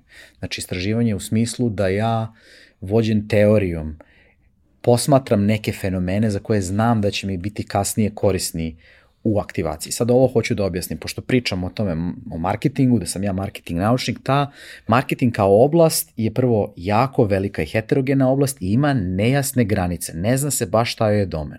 Ja najčešće moje studente marketinga, kad pitam, ranije dok sam bio na, na, na univerzitetima, kad im kažem, da li možete sa jednom rečju da mi sumirate domen psihologije? Oni kažu, dobro, to je čovekova psiha, sociologije, pa to je društvo, a marketinga i onda tu kreću svakakvi odgovori. E, pa to je marketing. da. kreću svakakvi odgovori. E sad, da ja ne dužim previše, srž marketinga, kad bi, kad bi sve, sve mogao da svedem na jednu stvar, marketari se bave povezivanjem svoje kompanije, brenda, proizvoda, usluge sa tržištem. I to se radi kroz jedan proces koji se zove segmentacija, targetiranje, pozicioniranje. Izuzev u slučajevima kada kao kompanija posmatraš celo tržište kao homogen, homogen skup, što se dešava jako redko. Znači, većina kompanija posmatra tržište kao sačinjeno od različitih grupa potrošača i onda se biraju grupe i za njih se, da kažemo, optimizuje neka ponuda. Zašto ovo pričam? Naš proizvod koji se zove platforma za preciznu digitalnu aktivaciju, ona marketare vodi kroz ceo taj proces na osnovu podataka. I to, tu ideju gde se sa podacima prelazi i segmentaciju, targetiranje, sam ja upravo video u Cambridge i to je ono na, na čemu sam ja zahvalan. Ja sam do dolaska u Cambridge Analytiku, moj se proces istraživanja završio kad ja isporučim izveštaj segmentacije. Mene onda ne zanima šta se dalje dešava. Onda nastaje horor za marketara koji uzima izveštaje o segmentaciji, gleda segmente i kako ćeš ti sad te segmente da nađeš. A mi sada ovde imamo sistem gde na osnovu podataka koje sam saznao iz istraživanja, koje su apsolutno anonimni, znači ja ne znam da si ti Ivan Minić, ne znam tvoj broj telefona, ne znam tvoj email, ali znam šta voliš, znam šta radiš, znam šta jedeš, znam, ne znam šta gledaš, to, jer si mi to rekao. Samo ne znam da si to ti. Da, ne znam, i, i ja sam vas grupisao u neku grupu sličnih ljudi poput tebe i onda znam na osnovu tih tvojih preferencija da te na osnovu toga targetiram na Facebooku, na TikToku, na Googleu. Naravno, svaki od tih kanala ima različiti set kriterijuma, ali ti ti da kažemo algoritmi koji smo mi napravili osim te segmentacije izdvajaju te recepte kako da se kako da se potrošači targetiraju. I tu je u stvari jako važna stvar to da uh, kada se baviš time na teorijskom nivou, ti napraviš segmentaciju koja je idealna. A ovde moraš da napraviš segmentaciju koja je moguća uh mhm. -huh. na osnovu onoga što ti da. je dostupno. I ta segmentacija kroz četiri različita kanala je različita. Da. Mislim, iste stvari, se, do njih se dolazi na različiti način jer postoje različiti setovi kriterijuma koji su ti dostupni. I ono što je pakao, mislim, svoja priča, kod mene, u mom slučaju najčešće na, na meti, jer tu se najviše i bavim negde time, ono, fenomenološki, da se ti setovi kriterijuma koji su ti dostupni stalno jebeno menjaju. Tako je. I ti moraš to da ispratiš i ti napraviš nešto što savršeno radi tri meseca i onda ti neko kaže, e, ovo što tebi Tako. super radi, to od sledećeg petka, ćao. Tako je. Tako je. I šta ja sad da radim sa tim? I onda nađeš neko rešenje, ali kad to radiš individualno, ti imaš vremena, nema toga mnogo, ti ćeš to, a ovde to treba da funkcioniše na sistemskom nivou. Da. Ovaj, nama su ti kriterijumi targetiranja mapirani trenutno ručno i ono što mi hoćemo da uradimo je da napravimo da to bude mašinsko mapiranje. A, I sad kad kažem, kad, da objasnim šta je mapiranje. Naprimer, ako te pitam u upitniku, ne znam, šta voliš da radiš u slobodno vreme i ti kažeš, ne znam, volim da idem na planinarenje. Ja automatski znam da ti voliš aktivnosti u prirodi, da voliš planinu, da verovatno ti treba šator, da ti verovatno trebaju čizme, da verovatno ti treba možda, ne znam, neki solarni panel da puniš svoje baterije kad si u planini i tako dalje, tako da ja na osnovu tog jednog odgovora imam, na primjer, nekih 5-6 uh, kriterijuma targetiranja s kojim mogu da te, na primjer, nađem na, na, na, na Facebooku. A to nije, nije 100%, ali je dovoljno mnogo Tako da Tako je. bude kvalitetniji. Tako je. A, šta mi kažemo? Znači, uh, ja prihvatam da imam neki nivo greške i šuma i da imam neki nivo gubitka uh, te grupe, tog segmenta iz prelaska u targetiranje, a da očuvam tvoju privatnost. Da ne koristim. Zašto je to bitno? To je bitno pre svega jer smo, jer smo mi nešto naučili iz, iz prethodne priče, to jest, ne želim da apsolutno diram bilo čije lične podatke, ne želim da moji korisnici imaju pristup bilo kakvim podacima od mene, nego šta oni dobijaju od nas? Oni od nas dobijaju uvide i recepte za targetiranje. I to je to. Svi su u lancu, da kažemo, u lancu vrednosti, svi su srećni.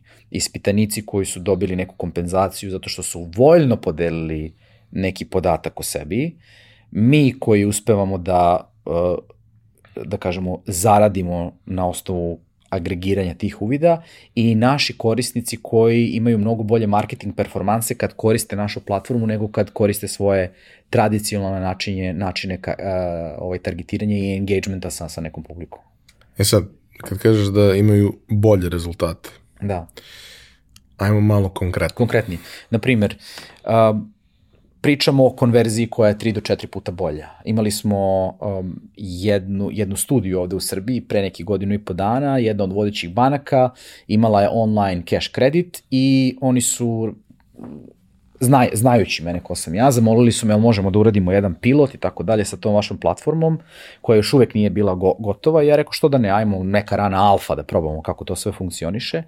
I na primer, njihovom tradicionalnom kampanjom, kad kažem tradicionalnom kampanjom, njihovom kampanjom po principu ja mislim da je ovaj segment dobar. Nema to kud. Da, uh, konverzija uh, ljudi je bila 25%. Kad kažem konverzija, mislim uh, ljudi koji dođu na stranicu za aplikaciju kredita, kad obave aplikaciju, kad unesu sve podatke, uh, jedan od četiri bude odobren za kredit. Kod nas je to bilo 3 od 4.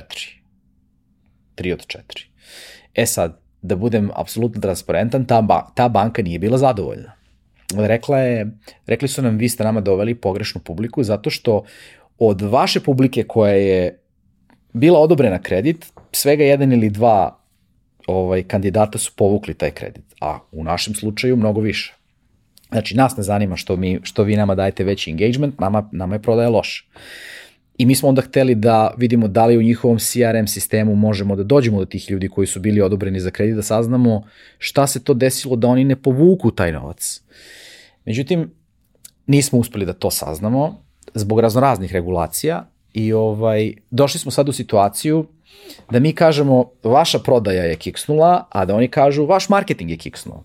Naravno, to je ono, marketing i prodaja uvek uh, okrivljuju jedni druge. Uh, mi imamo niz studija slučaja kasnije koji, koji je pokazao da i prodaja postoji isto na mnogo većem nivou i to čisto da objasnim, ali samo sam ovo htio da kažem. Zamisli situaciju u kojoj, na primer, recimo da si ti sad single i ti meni kažeš, ej, znaš, mogu bi da me spojiš sa nekim tvojim drugaricama, vidim tu na tvojim profilima imaš baš interesantno društvo i ja, ja ti organizujem date sa jedno, tri, četiri predivne devojke koje, kojima koje baš zagrejem onako da izađu na sastanak sa tobom i one provedu sa tobom veče i to sve i ti mene zoveš posle par dana i kažeš, znaš šta, ja sam se vidio sa svim ovim devojkama koje si namestio kao, neće bre ni jedna da se poljubi sa mnom. I sad ja onda tebe pitam, čekaj, čija je to greška? Je li to moj problem ili tvoj problem? Znači, ako marketing tebi dovodi neku publiku i ako postoji interesovanje i ako je neko spreman da odvoji 30 minuta da popuni tu aplikaciju i bude odobren kredit, a na kraju ga ne uzme, znači mi onda moramo da se zapitamo koliki je trošak tog kredita, kako ti stojiš u odnosu na konkurenciju. Znaš, mi, mi ne poslujemo u vakumu i rezultat krajnji je ko-kreacija ili sinergija između nas i našega klijenta. Mi ne možemo da uradimo magiju. Znači, ja mogu da ti obećam da ću da ti vozim neki trafik. Daću ti sad drugi primer. Kada smo radili seed rundu investiranja, trebalo nam je oko 3,5 miliona dolara, pojavila nam se pojavio nam se jedan klije, uh, potencijalni investitor iz Hong Konga koji je imao uh, online betting platformu u Indiji za kriket. I oni su nam rekli ovako, ajde ti sad sprovedi tu taj tvoj proces to i ako ja budem video da ljudi stavljaju više etiketa i tako dalje, meni je to onda jasan signal da to vaše radi i ja ću da uložim. I sad, naravno, nije nam bilo drago što je to uslov. Ne, ne, nije, prvo, prvo, nije nam bilo drago što je to betting kompanija. Aha, dobro. Prvo, ja lično, lično nivou to baš ne volim, a onda ništa o Indiji ne znam, ništa o kriketu ne znam. Znači imamo ono super poziciju, tri nepoznate i tako dalje. I mi sprovedemo istraživanje u Indiji i napravimo tu segmentaciju i kroz tu našu platformu krene to targetiranje i to razbije kod njih po svim parametrima i čovjek kaže, evo, 3,5 miliona i mi smo tu investiciju dobili. I skoro smo imali uh, isto jedan mi još uvek smo u, u procesu validacije. Ja moram da imam jedan čitav niz case stadija da kažem, ej, ovo... Da, u različitim da, situacijama. Da. Imali, smo, imali smo sad situaciju u Maroku, e, na primjer kao njihova super kartica ali mm. u vidu aplikacije i sad njihova ta tradicionalna digitalna kampanja nije davala nikakve rezultate, jako slabe rezultate, jako manji broj da, preuzimanja aplikacije. I mi smo sad uradili to istraživanje, segmentaciju, sproveli, da kažemo, to targetiranje preko naše, preko na, uz pomoć naše platforme i sad, u proseku, pošto ima čitav niz segmenata, engagement je veći 3 do 4 puta ali ima segmenata na kojima smo videli i hiljadu puta veći engagement, što je sad sramota da kažem hiljadu puta, ko će to da veruje. Ali kad kažem engagement, to znači preuzimanje aplikacije. I onda nam je taj klijent, kad je video rezultate, doveo je naftnu kompaniju sa kojim radi i rekao, e, ljudi, ovi rade magiju. I onda sad mi imamo taj agencijski deo priče gde pričamo o jako velikim ugovorima koji iznose pola miliona, milion dolara i tako dalje. Ali to nije, ska, to nije skalabilni deo priče. Mi želimo SaaS, gde ono do it yourself, da ti damo neke već gotove podatke koje ti možeš onda da koristiš za, za, za svoje digitalne kampanje. E, mislim da je ovo što si ispričao jako značajno i tu samo vidim e, jedan problem koji je relativno čest, a odnosi se na ono, problem komunikacije sa klijentom i na razumevanje sa klijentom u smislu uh, nisi mi dao realno nisi mi dao dobre KPI-eve. Da. Dao si mi KPI-eve koje sam ja ostvario, ali ti nisi dobio rezultat koji si hteo, jer mi nisi rekao šta je rezultat koji hoćeš. Da. Jer hoćeš da ti telefon non stop zvoni, ili hoćeš da imaš najviše kredita, ili hoćeš da, iz, da uzmeš, ono, da, da uh, izdaš najveći iznos novca. Jer to su potpuno različite stvari. To su potpuno na različit način ćeš modelirati tu priču u jednom, drugom i trećem slučaju. Ima ona stara priča ovaj, uh, iz uh, nekog malog gradića u Americi gde uh, je u toj saveznoj državi uvedeno da se ovaj uh, uh, volonterskim uh, vatrogasnim društvima onaj neki novac koji opština, grad uh, doniraju, isplaćuju svake godine, uh, isplaćuje na osnovu broja telefonskih poziva. Što znači da nemaš nikakav interes da se javiš kad te neko zove. Ili se javiš iz petog puta, ali pustiš prvo da, da, da, da. da se ispuni kvota. I to je ono kao pogrešan KPI. Ima još jedan primjer koji mi je uh, interesantan, jer govori koliko, koliko daleko su ljudi spremni da odu zbog novca i sad ok, to je pre, ne znam, 80 godina, ali, ali je i dalje vrlo indikativno. Ovaj, da je katolička crkva u Kanadi u jednom periodu uh, veliki broj siročadi koje je prirodno, jeli, ovaj, crkva se brinula o njima, uh, prijavljivala kao uh, psihičke bolesnike zato što je ono um, subvencija, ne subvencija, nego donacija države bila veća. I ti imaš celu jednu generaciju dece koja ima u nekom dosijeu da su mentalno bolesni, a nema nikakve veze sa tim. Ali jebi ga, ono, Da, pet puta dobro. više para. Mislim, ja pričam o tome samo da uh, u tom marketing levku ili prodajnom levku i mi smo prisutni do neke mere, ali na tim nižim nivoima lev, levka, kad je neko već ušao, da kažemo, u tvoju radnju, gde ga ti preuzimaš, ja više nemam kontrolu.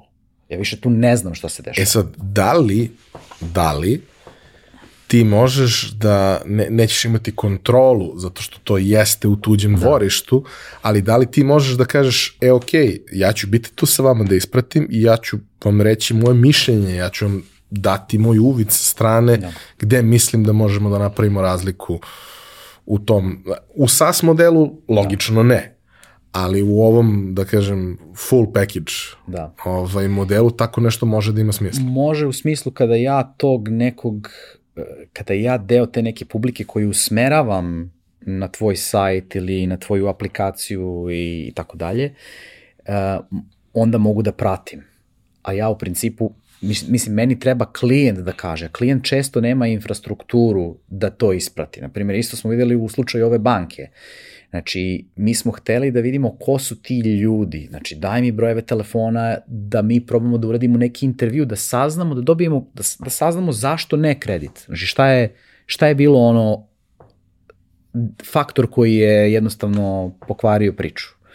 Tako da nismo to uspeli, ali to, to je banka.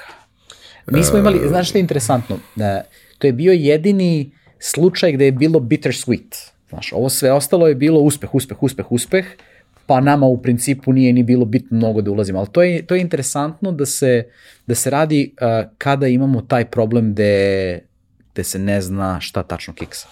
Znaš da je tu sad situacija? Ja mislim da je to stvar uh, i dalje vrlo nerazvijenog tržišta, odnosno tržišta koji je i dalje na nekom e, jako niskom nivou svesti i razumevanja. Da. To su ti oni momenti gde kada izglediš odnos sa svojim uh, čovekom u banci, onim ko je zadužen za tvoju firmu, ajde pričam konkretno iz ugla biznisa. To vrlo često znači da ti pišeš njemu direktno mail kad ti nešto treba ili ga zoveš telefonom ako ti je nešto stvarno bitno i vi imate jedan odnos koji može da bude sjajan. Kad najđeš na dobru osobu u nekoj banci, ovde ti ne menjaš banku po cenu života, jer takvih osoba nema mnogo. I to je ono, razlika je, ne postoji nijedna dobra banka, ali postoji banka gde znaš nekog ko me je stalo i ko će da se cima. Ima on interes zašto da. to radi, ali i onda ti on dođe i kaže brate, aj, ajde apliciraj, molim te, za ovaj kredit i kad dobiješ, reci ti ne treba. Da. Ali meni treba da bih ispunio KPI, neki da. KPI, mm.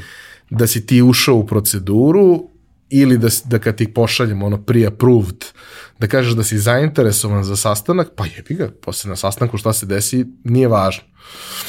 I sad, ja sam par puta dolazio u situacije gde nemam te, nemam mogućnost da bilo šta tu ozbiljno modeliram, nego kao, ajde polivamo pa da vidimo šta će da bude, malo da probamo makar kroz neko bazično targetiranje vizuale, poruke da nešto uradimo. I par puta mi se desila situacija gde, um, pošto ako pričamo o, ono, SME-evima, ja to tržište mnogo dobro znam. Ja znam mnogo ljudi koji imaju male firme i vrlo često kad naleti nešto što je posebno interesantno, a ima nekad takvih ponuda, ovaj, gde banke dobijaju neke subvencije evropskih banaka i tako dalje, I ja onda, kad se tako nešto desi, ja šerujem to, prosledim neku informaciju nekim ljudima i onda me oni pozovu i kažu, što mi šalješ ovo, brate, ja sam ispunio sve što ovde piše, oni su mi rekli da ne može. Ja kažem, ko ti rekao da ne može? I on mi da osobu, ja prosledim šefu, pošto znam. Šefa ne kažem ko je, samo kažem, e, meni ovo deluje sve, ne znam, znači možda postoji neki, ali ajde vidi šta je ovo. I da biš odgovor mazelo, kolegu da se cima. Znaš, ima jedno vreme, faktor, posebno ja. interesantan moment, ima si u jednoj relativno maloj banci, si imao taj moment da, uh, pošto je banka mala, ima mali broj zaposlenih, ima mali broj filijala, ali je jako zanimljiv kao case. Ono. Uh, oni uh, kredite poljoprivrednicima odobravaju tako što dođe službenik banke sa tabletom, sedne, popriča s tobom i sklikćete na tabletu i ti dobiješ šta ti treba ali mora da dođe. Da. I ti ako ga sad pozoveš iz, nemam pojma, Mokrina, njemu je to dva i po sata vožnje, njega mrsi. Njemu je sve to plaćeno, ima on to gorivo i sad će izgubiti ceo dan. I neće on to da radi. On će da odradi Umku, Obrenovac i možda da ode do Sremskih Karlovaca i da se vrati i završio četiri klijenta, pet. Neće da ode mu krene. I ti onda shvatiš, pa dobro, ali mislim, a što mi onda uopšte targetiramo van ono tri lokacije gde su centrale, gde su vam zaposleni, gde stavimo, brate, radius, ne, 50 km ili 30 km i ove ostalo uopšte ne tizujemo, zato što brate, ako te cima, trebamo.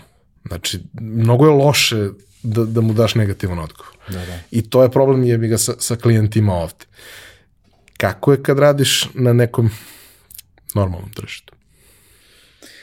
Pa mi često ovaj, umemo da, ne znam, često imam utisak da mi malo i pocenjujemo sebe, da mi mislimo da to samo ima u Srbiji. Ne, ne, ne mislim. Ovaj, ima svuda haosa i ono, ljudskog faktora i racionalnosti.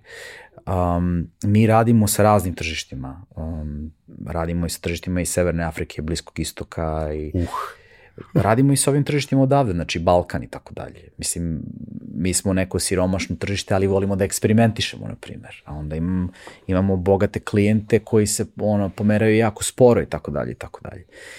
Um, Tržište u Britaniji je karakteristično po tome što će klijent pokušati da izvuče svaku moguću korist iz tebe pre nego što bude bio prinuđen da nešto krene da kupuje. I imamo slučajeve kad pričamo o toj kombinaciji našeg agencijskog rada i SAS-a, gde nas klijent propituje kako biste dizajnirali ovo istraživanje, šta biste uradili ovde i sad ono vidim, pričamo o marketing agenciji i na kraju shvatiš da on u stvari ono harvestuje ideje od tebe i da ti ono trošiš, u jednom trenutku moraš da staviš neki ono stop da kažeš ok, hoćeš da radiš sa mnom pilot, ovo je predlog, ajmo da uradimo to pa da onda pričamo o ovim drugim idejama. Ovaj, ali što znam, um, sve ima svoje prednosti i mane. Britanija i Amerika su bogata tržišta, uh, u Britaniji se u principu ti dilovi pregovaraju nešto duže, ali onda klijent ostaje sa tobom mnogo duže, dok u Americi to ide mnogo brže, ali i lojalnost klijenata je manja. Mi smo pak siromašno tržište, volimo da eksperimentišemo, dobit ćeš ono carte blanche, često će ovde biti ono leap of fate, gde će klijent čak i kad ne razume nešto dovoljno kaže ajde ti, verujem ja da ti to možda uradiš, ti to uradi, dok u Britaniji ipak traže da ti sve raščivijaš, da sve objasniš, zašto to tako funkcioniše, zašto, zašto si ti siguran u tu tvoju metodologiju i tako dalje i tako dalje. A uh, koliko je problem ta zasićenost i konkurencija koja postoji na tim najvećim tržištima? Pa veliki je problem, nama je problem, pošto mi sebe smatramo za Martech rešenje, koje je ono vođeno podacima, koncentracija Martech rešenja je ogromna. Mi pričamo o hiljadama i hiljadama platformi koji svi žele ono, ne samo share of wallet, na primer, marketara u finansijskoj industriji koje mi sad targetiramo, nego žele pre svega share of attention. Znači, ne možeš ti da dođeš do share of wallet ako ne dobiješ share of attention. I mi trenutno imamo veliki problem da se probijemo kroz taj klater digitalnim kanalima. Zato uh, idemo na lični kontakt, idemo na konferencije u nadi da ćemo da tako podstaknemo marketare iz finansijske industrije. Ali to je nama bio stepping stone za taj SaaS, za, za, taj SaaS model. Mi sada dodajemo još sedam industrija, dodajemo food and beverage, technology, travel and leisure, entertainment i tako dalje, tako dalje, sve te neke ono potrošački in, intenzivne industrije. I mi sprovodimo kvartalno istraživanje u Britaniji i Americi. I onda, uh, da kažemo, te podatke kombinujemo tokom perioda od 12 meseci, tako da na kraju godine ti imaš, na primjer, u nekoj industriji četiri puta po 4000 ispitanika, što je 16.000 i onda imaš detaljne segmentacije. I tim segmentacijama pristupaš instant. A, šta je moja hipoteza? Moja hipoteza je da sa, na, sa nastankom chat GPT-a i masovnom adopcijom, da ljudi sada imaju drugačije očekivanja od softvera koji pružaju neke uvide. A to je da ti da je želja sada ljudi da interaguju sa softverom uz pomoć prirodnog jezika. Da ti postaviš pitanje i da, da tebi... pričaš sa softverom. Da, da pričaš sa softverom. Odnosno, šta ja pokušavam sada da, da, šta mi pokušavamo sada da implementiramo? Mi pokušavamo da implementiramo da ljudi kroz chat program pričaju sa našim podacima. I evo zašto je to važno. Nama se, na primjer, javio Nike pre dva meseca i rekli su e, ovo nam, se, ovo nam se sviđa što vi radite, šta znate o ljudima koji trče? Ja sam u tom trenutku, sam, mi smo u tom trenutku samo imali istraživanje vezano za, da kažemo, ono, retail financije. Aj, aj samo pojasni u par stvari, šta, šta konkretno, kad kažeš retail financije, na što se to Pa odnosi? da, to je istraživanje gde ja pitam, na primer, jedan reprezentativni uzorak u Britaniji, ne znam, uh, u kojoj si banci, ne znam, uh, koje vrste računa imaš, da li imaš štedni račun, kolika ti je štednja, da li imaš kreditne kartice, ne znam, da li imaš kredit za stan, da li investiraš, u šta investiraš, da li imaš, ne znam, uh, neke polise osiguranja, uh, da li razmišljaš o promeni banke, um, kako, se, kako gledaš na novac, kako raspolažeš sa novcem, kakav si šoper, da li si impulsivan ili si štediša, da li, ne znam, koristiš ove nove, uh, da kažemo, platforme koje ti omogućavaju da nešto kupiš na rate, ono, buy now, pay later i tako dalje. Ti bukvalno razumeš ne, ne, ne, ne, kompleksnost tržišta, kako se ljudi, kakav im je mindset. E.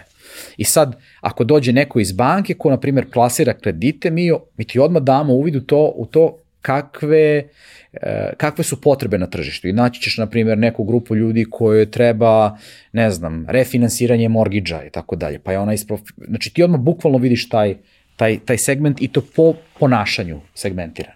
Znači, bukvalno možeš po potrebama i ponašanju odmah da targetiraš te ljude. Znači, nemaš potrebe da čekaš da neko sakupi podatke. Međutim, kad je došao Nike, ja sam, ja, njim, ja sam ima rekao, mi nemamo trenutnu studiju koja gleda konkretno za trkače, možemo mi da dizajniramo jednu za vas i da sprovedemo. Na što je odgovor bio, ne, treba nam odmah uvid.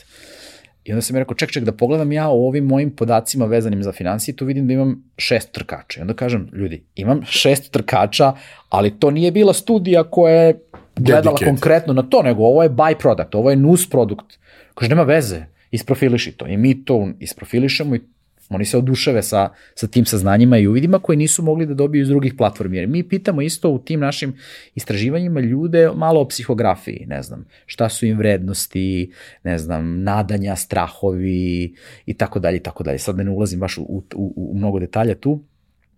I onda sam ja shvatio, ok, desio se chat GPT, ljudi sada žele da na jedan intuitivan način komuniciraju sa softverima. Niko neće da uči sada, ne znam, ono UI nekog novog proizvoda, gde da kliknem i tako dalje, tako dalje. A s druge strane, i ta moja istraživanja koja sakupljaju čitav niz podataka, pa mo, ona su korisna mnogo većem broju marketara nego, na primjer, sad samo ovima iz financije. Zašto ja ne bi otvorio floodgates i da pustim ljude da postave bilo koje pitanje našim podacima i da ti onda sistem kaže, e, nemam, na primer, pitanje za ono pet food, znači za hranu za pse, ali iz ovog i ovog i ovog seta podataka vidim da ovde imam, na primjer, ovoliko stotina ljudi koji to kupuju, da li hoćeš to da ti isprofilišem i ti onda kažeš da ili ne. Tako da možeš da napraviš tu konverzaciju sa, sa podacima i mislim da smo, na primjer, neke dve nedelje od, od, od tog feature-a. Ovaj, Dobro, u trenutku kad izađe epizoda već ga imate suš, da. suštinski. Da.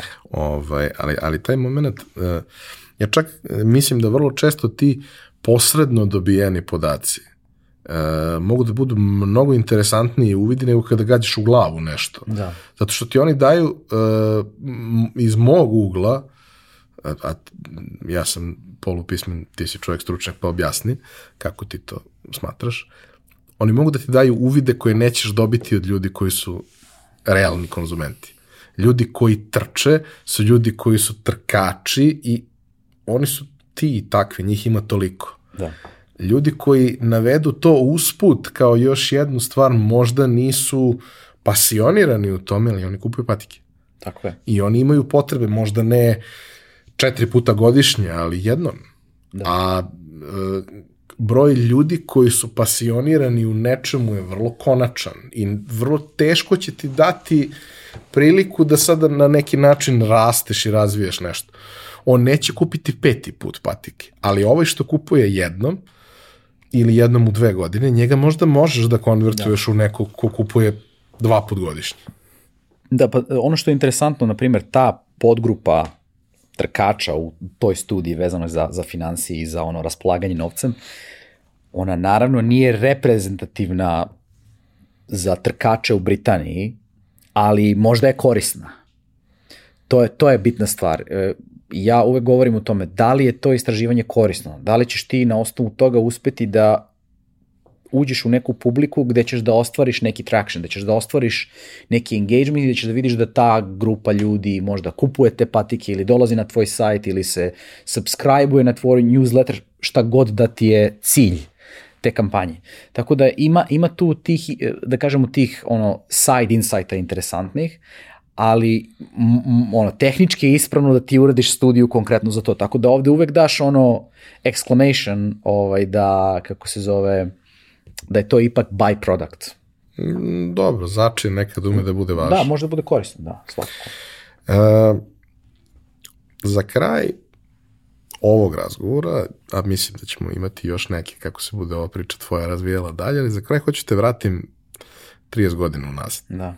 Ovaj, e, zašto hoću da te vratim? Zato što ti si jedan od ljudi koje ja znam um, koje je tekvondo dosta oblikovao kao ljude u tom nekom periodu detinstva i svega.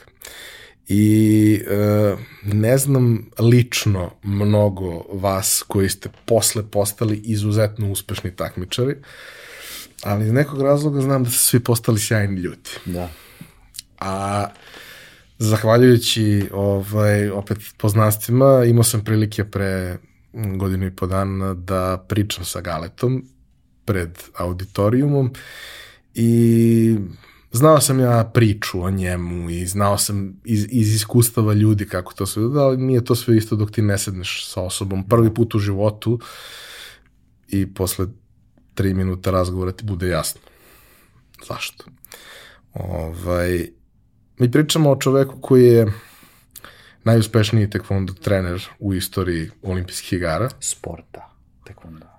Ovaj, um, čija takmičarska priča je skromna u poređenju sa svim mojim ostalim što se posle desilo, čija lična priča je onako jako ne, neobična. Bože zdravlje pričat će on jednom ovde. Ali uh, prvi uspeh kada su svi počeli da pričaju o tome se desio 2012. godine. Ovo o čemu mi sad pričamo se dešava mnogo pre toga. I e, ta količina pionirskog entuzijazma i svega i načina na koji on radio sa tom decom je nešto što ne može nikog da ostavi ravnodušnim i jednostavno ono razoružava u svakom smislu. I sad, ja sam bio jedan od redkih ljudi koji je znao ko je Milica Mandić pre odlaska na olimpijske igre u Londonu. Zašto sam to znao? Zato što sam radio sa Telenorom, Telenor je tad bio pred, uh, sponsor Generalni olimpijskog komiteta.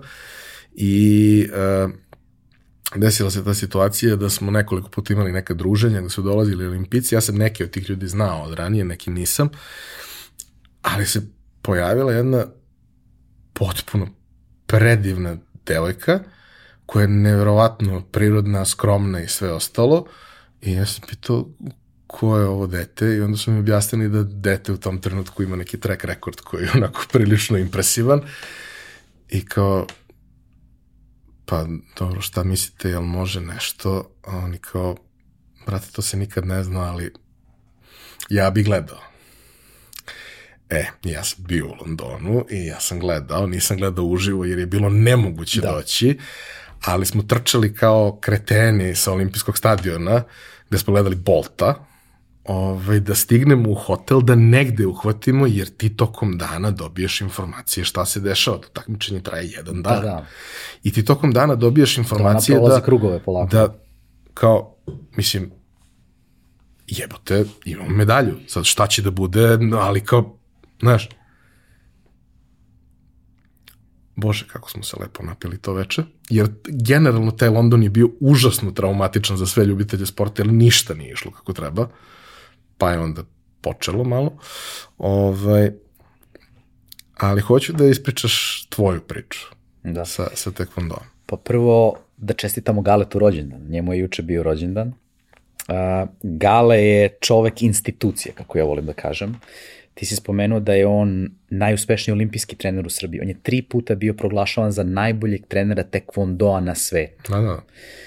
Ja se sećam, imao sam jednu večeru sa Galetom kada je on 2016. se vratio sa srebrnom medaljom, tada Milica nije, nije uzela, sa Tijanom je uzeo srebrnu Tada medalju. bilo, bilo je, e, podbacila je time što je u četvrtfinalu. U seku, mislim, e, nijansa je delila. Ne, ali taj moment kao pod, podbacila je kao, da. što, kad počinjemo da podrazumevamo, da.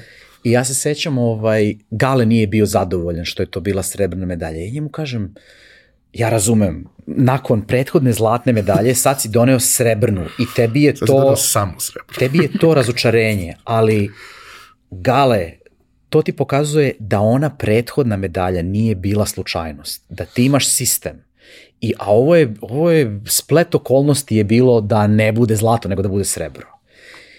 I ja sam rekao, ti sad imaš takav kredit da više niko ne može da kaže, a ovo te usralo 2012. nikad više neće, pošto naravno naši ljudi, umeju neki ljudi da budu tako malo. Dobro, imaš i te priče gde je neko postao veliki trener tako što je slučajno ubrao čudo. Da, da, da, to je... I samo je pustio da čudo je, bude tako, čudo. Tako, tako, to. I ovaj, na kraju znamo šta se desilo u Tokiju gde je Gale doneo dve medalje i sada je tekvondo naš najuspešniji olimpijski sport u zemlji. Znači, najviše medalja zlatnih imamo u tom sportu. I to je bila prva zlatna medalja za Srbiju nakon osamostaljenja. Ali moja priča ide tako, ovaj, ja sam kao dete jako voleo kung fu i karate filmove. Jako me privlačilo kako oni tako skoče, visoko lete kroz nebo. I onda sam ja u školi ovaj, išao na karate, međutim nikako da se odlepim od zemlje.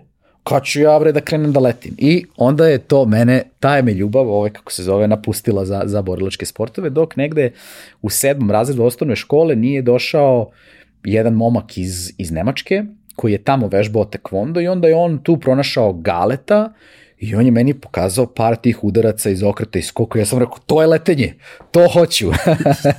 I onda sam krenuo ovaj, u galeba, pritom e, ja sam kao dete bio malo debeljuca, imao sam, ne znam, lošiju motoriku, e, u futbolu sam bio ono očaj, u košarci još gori, e, kad se trči na 800 metara ja umrem poslednjih 300 metara ono, i tako dalje. Međutim da su bile neke, neke godine ono puberteta kada već ti moraš malo da povedeš računa o sebi i tako dalje.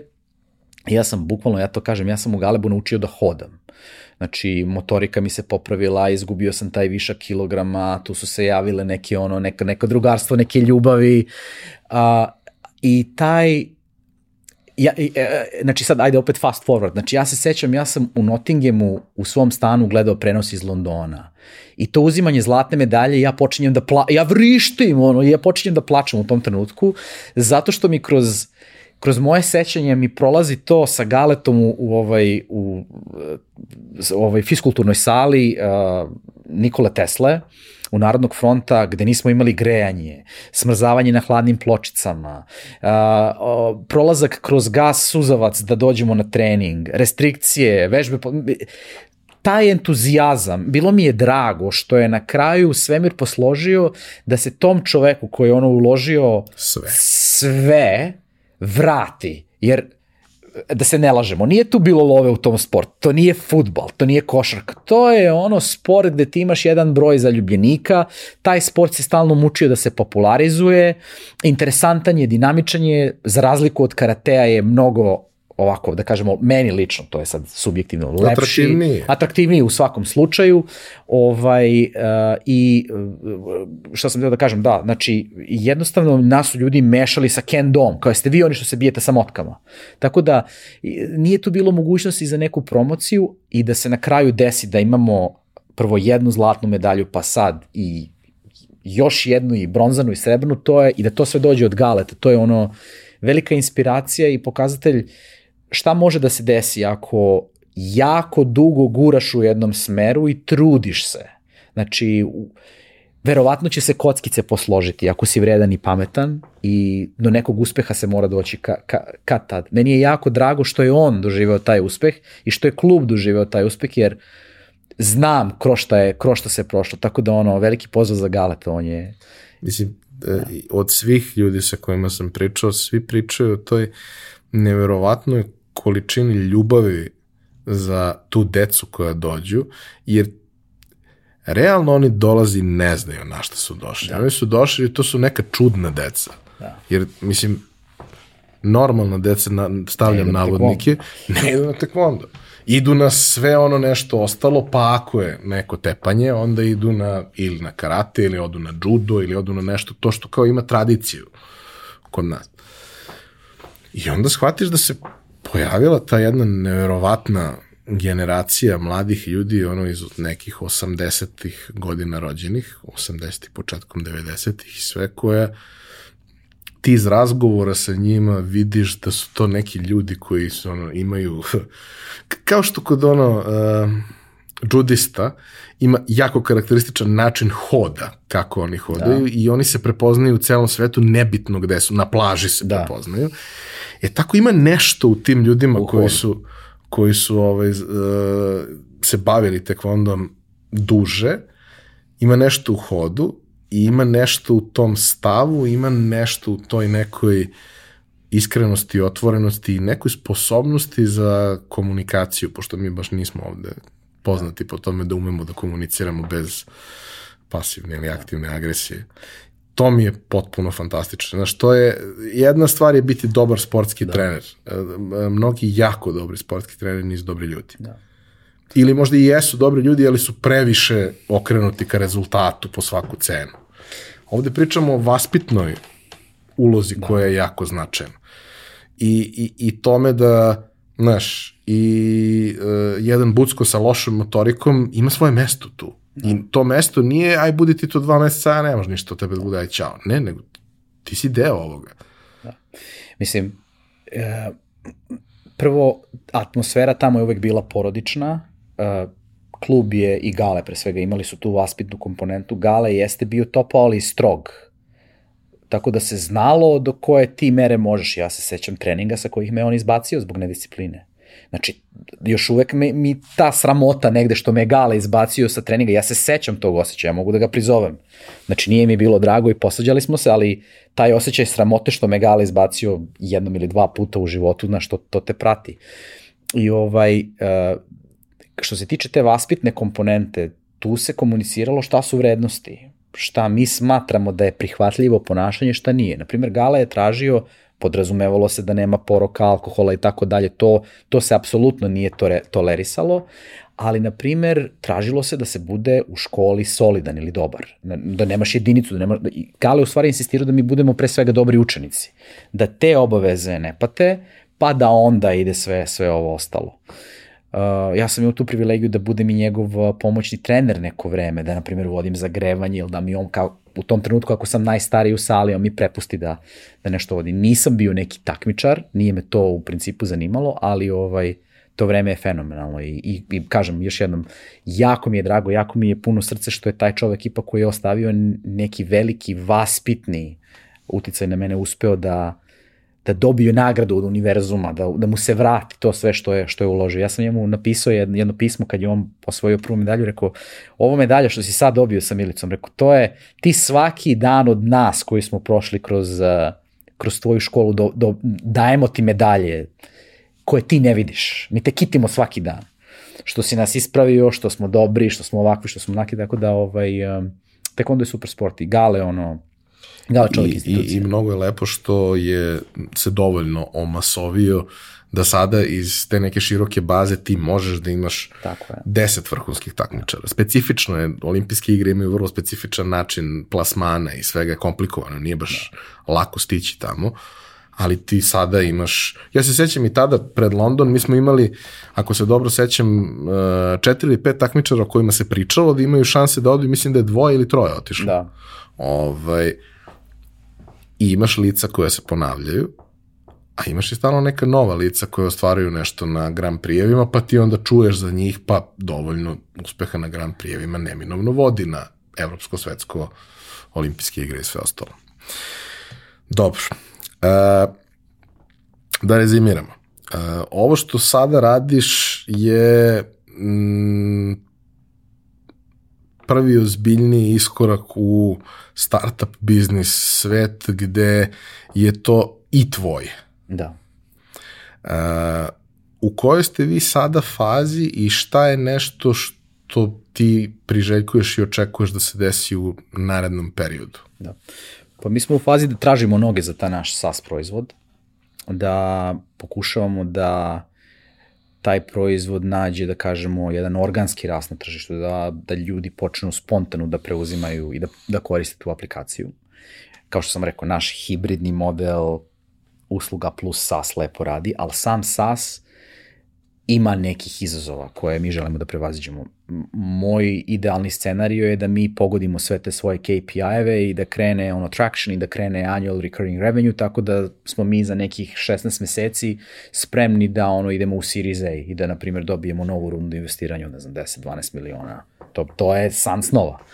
Međutim, s druge strane, um, gledajući kako nam je išlo u prethodne dve i po godine, gde smo mi imali mnogo slepih ulica, nekih pogrešnih odluka, nekih pod, pogrešnih kadrova i tako dalje. Plan B bi bio da nas, na primjer, za godinu dana kupi neko kome smo mi komplementarni, na primjer, da nas kupi Ipsos, Nielsen, Kantar i da napravimo early exit i da ono to bude neka, neka uspešna priča. Tako da jedan od ta dva scenarija bi bio, bi bio idealan ishod za nas. Sve ostalo je neuspeh. Što je isto okej, okay, jer mi smo ušli u predumišljaj da najveći broj startupa naravno bude ono, da kažemo, bude priča koja propadne, to je jasno, znači najveći procenat startupa će nestati, tako da radimo najbolje što možemo, pa dokle dobacimo. Pa dobro, naravno, i imate neki prostor za pivot ako bude bilo potrebno, to neće biti ono što želite, ali može da bude ono što može da opstane. Tako je. Ćemo Tako. vidjeti. Mihajlo, hvala ti.